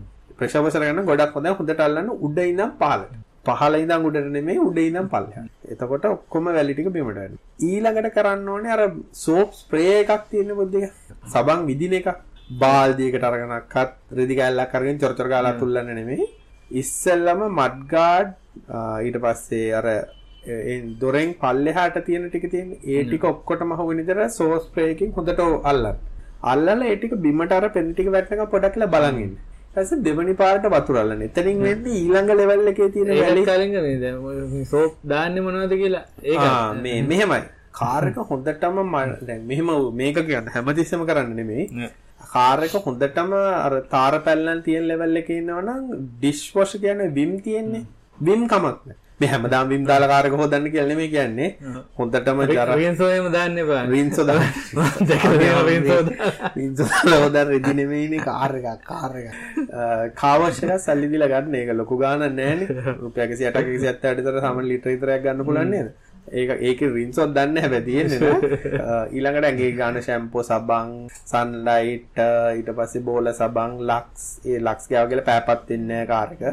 ඒ දෙවෙනි පාර කරන්න ඕනේ අර මේ මේ අර සබන් අල්ලපු ටික හේදෙන්න ආයි ප්‍රෙෂර් වොෂරෙන් අල්ල. දැන් බාල්දියට වතුර ටිකක් දාලා ලොකුවට වතුර දාලා හොඳ මයික්‍රෝ ෆයිබර් නැත්නම් අර අතට දාන මයික්‍රෝ ෆයිබර් තියෙන පොඩක් ඝනකම එකක් තියෙන. ඒකක් අරගෙන වාහනේ දොරේ රෝදේ මට්ටමේ සිට පල්ලෙහාට ටික උඩ ඉඳන් පහළට රවුමට රවුමට නෙමෙයි එක්කෝ පැත්තෙන් පැත්තට උඩ ඉඳන් පල්ලෙහාට අඩි දෙකෙන් දෙකට මෙහෙම කරලා ආයි අර රෙද්ද වතුරට දාලා හොඳට ගසන්න. එතකොට අර වැලියාපු ටික බාල්දිය යටට හැලෙනවා. රෙද්ද ආයි ගන්න. ඔහොම වටේ හොදලා දාන්න. ඊ ටික කරලා ඊට පස්සේ අර මම දෙවෙනි රෙද්දක් කිව්වේ. දෙවෙනි රෙද්ද හරි මේක හොඳට හොදලා හරි උඩ ටිකත් හොදන්න. ඊට පස්සේ උඩ ඉඳන් යටට සබන්. ගාලා ආයෙ ප්‍රෙෂර් වොෂර් එකෙන් අල්ලන්න. එතකොට අර පළවෙනි තිබ්බ කුණු ටික ඔක්කොම හොඳට යනවා. දැන් වටේට බලන්න ඇත්තට මෙහෙම ඇඟිල්ල රන් කළා මෙහෙම ඝනකමට ගොරෝසුට මොන හරි අහු වෙනවද මඩ තියෙන තැන් තියෙනවද? මොකද මේ මිස් වෙච්ච තැන් තියෙනවා. තුන්වෙනි රෙදි කෑල්ල පාවිච්චි කළා දැන් වාහනේ උඩ ඉඳන් පහළට පිහදාන්න ඕනේ. පල්ලෙහා හරිය පිහදාන්න ඕනේ අන්තිමට. එතකොට අර වැලි හදිස්සිය තිබ්බොත් එම ආය උඩ හීරෙන්නේ නැහැ. ඒම තමයි වාහනයක් සාමාන්‍ය ඉදිරියට දැන් බැක්සයක් වගේ තියෙනවා අරන් ගෑවට කමන්නේ නැහැ විනාඩි 5ක් විතර මහන්සි වෙලා. ඇතුළ සුද්ධ කරන්න කිසිම දෙයක් ගන්න එපා. ඕනෙම නම් තියෙන ඩෑෂ්බෝඩ් වයිප්ස් කියලා වෙනම අර නිකන් අර ටිෂු වගේ පැකට් එකක්. ඒන් යක් අරගෙන හොඳට ඇතුළ පිහදා. ඒ ඇති. ලෙදර් සීට් එහෙම තියෙනවා නම් ඒවටත් තියෙන ලෙදර් සීට් තියෙනවා නම් ලෙදර් ට්‍රීට්මන්ට් ගන්න. ඒවට ඩෑෂ්බෝඩ් ක්ලීනර් ගන්න. විශේෂයෙන් කොහොමත් ඔය ඩෑෂ්බෝඩ් ක්ලීනර් කියන ඒවා ගහන්න එපා. අවශ්‍ය නැහැ දිලිසෙන්න නෙමෙයි ඒක පිහි දැම්මට පස්සේ කුණු ටික ගියාම හොඳ ලස්සන තියෙනවා. මේ කාලයක් කලින් ඕක අර ඒජන්ට් ළඟත් ඒක කරන එකක් තියුණානේ. සර්විස් කරන් ආවම අර හවසට එහෙම ඉර බැහැගෙන යනකොට ඩෑෂ්බෝඩ් එකට ඉන්න හැබැයි දැන් ඔය වීදුරු හොදනවා කියන එක වෙනම සබ්ජෙක්ට් එකක් ඈ. ඒ කියන්නේ දැන් වාහනේ හොදන හැටි කොට වීදුරු හොදන්න තව වෙනම තියෙනවා. මොකද ග්ලාස් ක්ලීනර් එකක් පාවිච්චි කරලා තමයි වීදුරු හොදන්නේ. ඊළඟට අනිවාර්යයෙන් මතකතු කරන්න ඕනේ දැන් වයිපර් බ්ලේඩ් හොඳට අර හෝදන වෙලාවට හොඳට හෝදන්න. එතකොට වයිපර් බ්ලේඩ් වල තියෙන මඩ කුණු ටික යනවා. ඊට පස්සේ ඇලෝයි හොදන්න ඕනේ අන්තිමට. ඇලෝයි රෝද ඇලෝයි හරි ටොය ටයර් හරි මොන හරි ටික හොදන්න ඕනේ අන්තිමට. ඒක නැත්තම් පළවෙනියෙන් ඒ ටික හොදලා හිටියක් කමන්නේ. හැබැයි ඒක රෙඩි කෑලි මික්ස් කරගන්න බෑ. දැන් කියයි මෙච්චර රෙදි කෑලි මෙත අපේ යන කර සරම කෑල්ලක් කිල්ලා රෙදි කෑල්ලක් අරන් ඒව නැත්තම් වයිෆ් කේ අර මොනවාද මේ නැප්කින් හරි මොන හරි ටිකක් අරන් හොදනවා. ඔහොම හේතුවම අර මේ රවුන්ඩ් රවුන්ඩ් රවුන්ඩ් වාහනේ නෑ. ඒක පේනවා කොහොමත් අපි කොහෙන් ගිහලා හොදන් ආවත් අර කළු පාට රතු පාට එක නම් පේන බැලුවාම චූටි චූටි ඉරි දිනවා ගස් ගස් වගේ නේද? ඔක ප්‍රශ්නේ තියෙන්නේ මෙහෙමයි. ඕකේ දැන් කට්ටිය කියන්නේ අවුලන්නේ ඔක කට්ටන් පොලිෂ් එක කරනවා. මේ කට්ටන් පොලිෂ් කරනවා කියලා කියන්නේ අර වාහනේ අවශ්‍යම ලේයර් එක තමයි අපේ අයින් කරන්නේ. මුලින්ම වාහනේ තීන්ත වලට උඩින් තියෙන එක තමයි මේ ලැක ලේයර් එක. ක්ලියර් ක්ලියර් කෝට් එක. ඕකේ වාහනෙට එන ගොඩක් දේවල් තියෙනවා. හදිස්සියක පොඩ්ඩක් හීරුනොත් එහෙම ඒකට වෙන්ට් එකේ ඩැමේජ් එකක් වෙන්නේ නැතුව පොලිෂ් කරලා අයින් කරගන්න තියෙනවා. ඊට පස්සේ UV ප්‍රොටෙක්ෂන්. ඒ කියන්නේ වා පේන්ට් එකේ වර්ණය වෙනස් නොවෙන්න. අවුවේ තියෙනකොට. ඕක තමයි දැන් කට් ඇන්ඩ් පොලිෂ් කරනවා කියන්නේ ওই ලේයර් එක තමයි අයින් කරන්නේ. දෙපාරක් කරාම මේ ලේයර් ඉවරයි. ඊට පස්සේ පේන්ට් එක තියෙන්නේ අවුව නැවතු ගම් පැච් හිටිනවා, පැල්ලම් හිටිනවා, කපුටෙක් බෙට්ටක් දැම්මම පාර හිටිනවා, ඔක්කොම ටික වෙනවා.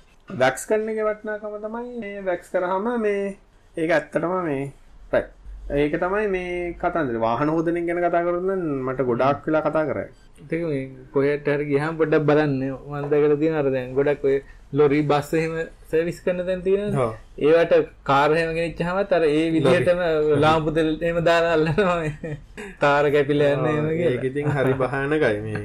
අනික ඉතින් ඇඟටත් හොඳයිනේ මේ පොඩ්ඩක් වාහනේ හොදන්නේ මොනවද තව සර්විස් කරන ගැන කිව්වොත් කාලින්ග මේ.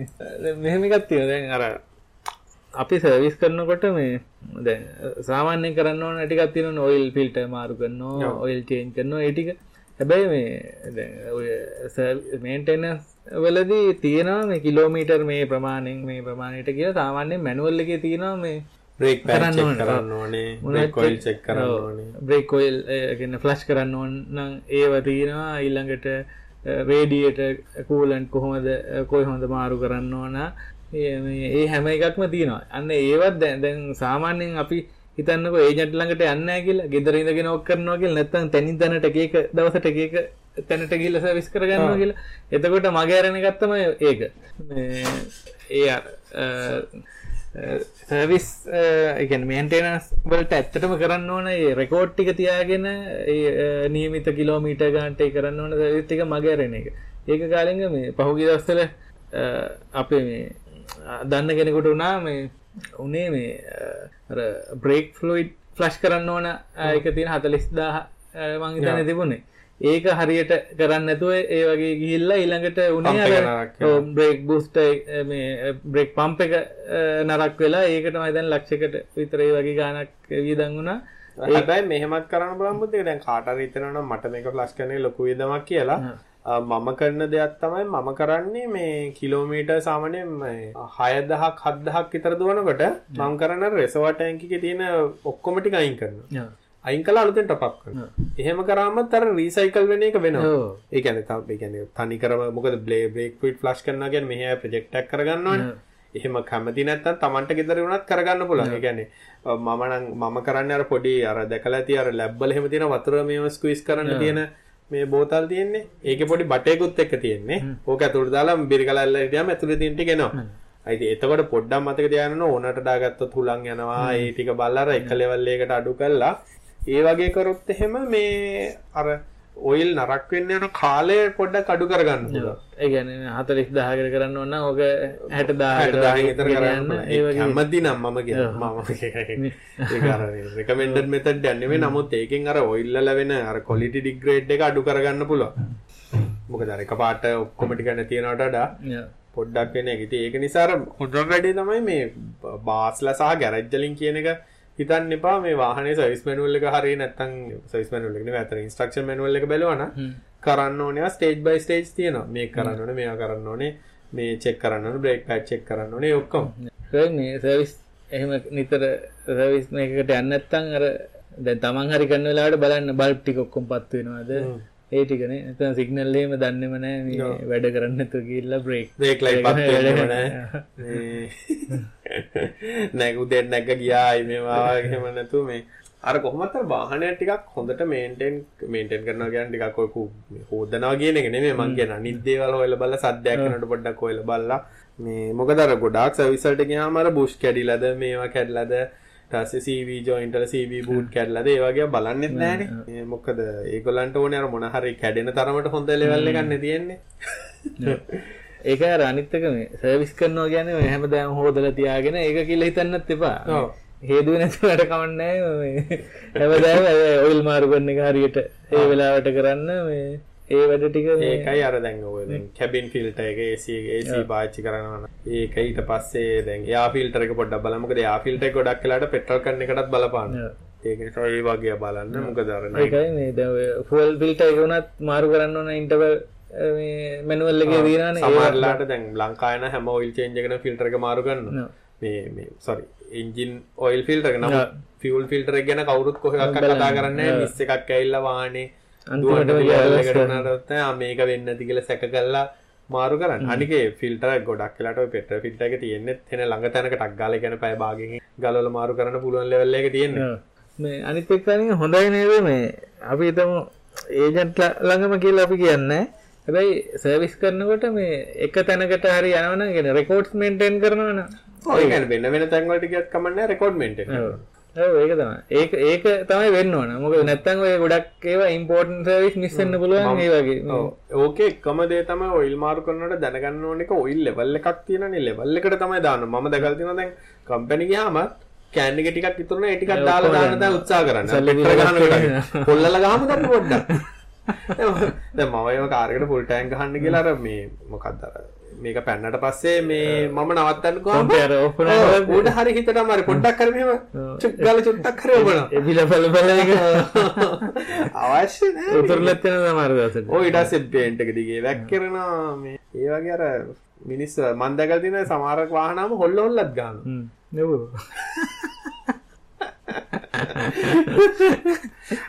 නෙව ගෝනියකට වීදානවා. පොඩ පයින් එකක් ගහලා හොල්ලලා එහෙම නෑ වෙට්ටර ගාලා අම්මපා. මේ ප්‍රශ්න මට එකක් කියනවා.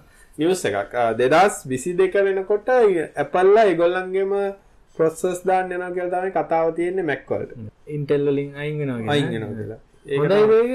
අනිවාර්යයෙන්ම. අපිට අපින්නයි කොයික වැඩ ගන්නවා ඔව් ආම්මලට මාරුයි කියලා මට නම් හිතෙන්නේ. මොකද ඒගොල්ලන්ගේ එක්ස්පර්ටීස් තියෙන ආම්මලනේ x86 යනවනම් ඉතින් ආයි. මොබයිල් ඩිවයිස් ආමල යන්න මොකක් වෙයිද දන්නේ ඉතින් එමුත් වින්ඩෝස් දැන් දැනට දාන්න පුළුවන් නැක තියන්න කරන තියෙන මගේ ඊළඟ කම්පියුටරේ නම් අනිවාර්යෙන් Mac එකක් වෙන්නේ කියලා. මොකද මේ මට පොඩි කාර් එකක් ගත්තා. මරුටියක් වගේ ගත්තා එක එකක් ගන්න? ඒක නිසා මේ මං කල්පනා මැක් මිනිවලට උන්ගේ කිසි උනන්දුවක් නැහැ නේ. අනේ මගා තුනක් තියෙන. නෑ මගේ අපි අර ටෙක් කතා කරලා ගත්තේ. Apple මේ නෑ අල්ලන්නම දාන්නේ. ඒක අපරාධ මම හරි සෑහෙන්න ජනප්‍රිය වෙච්ච එකක්. මැක් මිනි එක. මේ ඒක ඒක විතර අපිට හරියට ගන්න පුළුවන්. මේකට තිබුණේ මැක් කම්පියුටර් ප්‍රෝ එකක් ගන්න කිව්වොත් එහෙම. ඔව් අප්පා මැක් ප්‍රෝ එකක් ගන්න. ඒ වුණාට උන්ගේ මැක් ප්‍රෝ එක ෆේල් නේ. අර මොකක්ද අර මේ අර බොනුවක් කිය කුණුවක් කිය ෆේල් නේ. බිට්කොයින් මයිනින් ගැන කියලා දෙන්න ලෙක්කෙනෙක් කෙනවා මේකේ. මොනවා කියන්නද? මයින් කරන්න යන්න එපා ගෙදර නා කොයි කරත් මම හිතන්නේ දැන් වැඩක් නැහැ නේ. ලක්ෂ 300ක් ඉන්වෙස්ට් කරලා කරන්න දැන් වැටිලත් එකනේ ඉතින් දැන් බිට්කොයින් එකක් නේද US Google තියාගෙන අහන්නත් දෙයක් හත්දස් ගානනේ බැහල ගොඩ හරි එන ඇතිනේ. එහෙනම් දැන් කරන්න ඕනේ පළවෙනි එක මේක ෂෙයා කරන්න. දෙවෙනි කරන්න කොහොමද කියලා අපිට කියන්නේ මේ පාර හොඳද නරකද මේ කරපු ඉන්වෙස්ට්මන්ට් එක හැටියට ඉම්ප්‍රූව්මන්ට් එකක් නැත්නම් එහෙනම් මං මයික් ටික කන්න දෙනවා අහනවා. ඒකානික දැන් මේ කමෙන්ට් Facebook. ඔව් මොකක්ද මේ මික්සර් එකේ කර මොඩ් එක මොකක්ද කියලා මේ මම බ්ලොග් පෝස්ට් එක ලියලා තියෙනවා ඒක බලන්න කියවනේ ඔය ඒක මම මේ ආටිකල් එකට ලින්ක් එකක් දාලා තියෙනවා. කොහෙද දන්නේ අහලා තියෙන්නේ? අහලා තියෙන්නේ ෆොටෝ දාපු තැන තමයි. ආ ඒක ඒකෙම තමයි අහලා තියෙන්නේ. ඒකේ මොනවද ඒකෙම අහලා තියෙන්නේ. ඒ පෝස්ට් එකේම. මයික් එක පවර් දෙන්න කරපු හැක් එක කෙටියෙන් කියන්න පුළුවන්. කෙටියෙන් කියන්න කියලා තියෙන්නේ රෙසිස්ටර්ස් පැස්වනේ ඔව් කෙටියෙන් රෙසිස්ටර් පැස්වර් මෝ ඉන්ෆෝගේ ලින්ක් තියෙන ඒක බලන්න. කියවීමෙන් මිනිසා සම්පූර්ණ වේ. ආ මේ බුද්ධි කරමේ අපේ හර්ෂ ඒ දවස්වල මගේ මයික් ටෙස්ටිං වලට සින්දුවක් කිව්ව කාලේ. අර අපි මුලින්ම මයික් අතරේ මයික් වල කරන්ට් එක වදින්න ගත්තා. වදින්න ගත්තා. ඒකෙන් ඒක අඩුවෙන් කටරඬුවකින් අල්ලගෙන සින්දු කියන්නේ.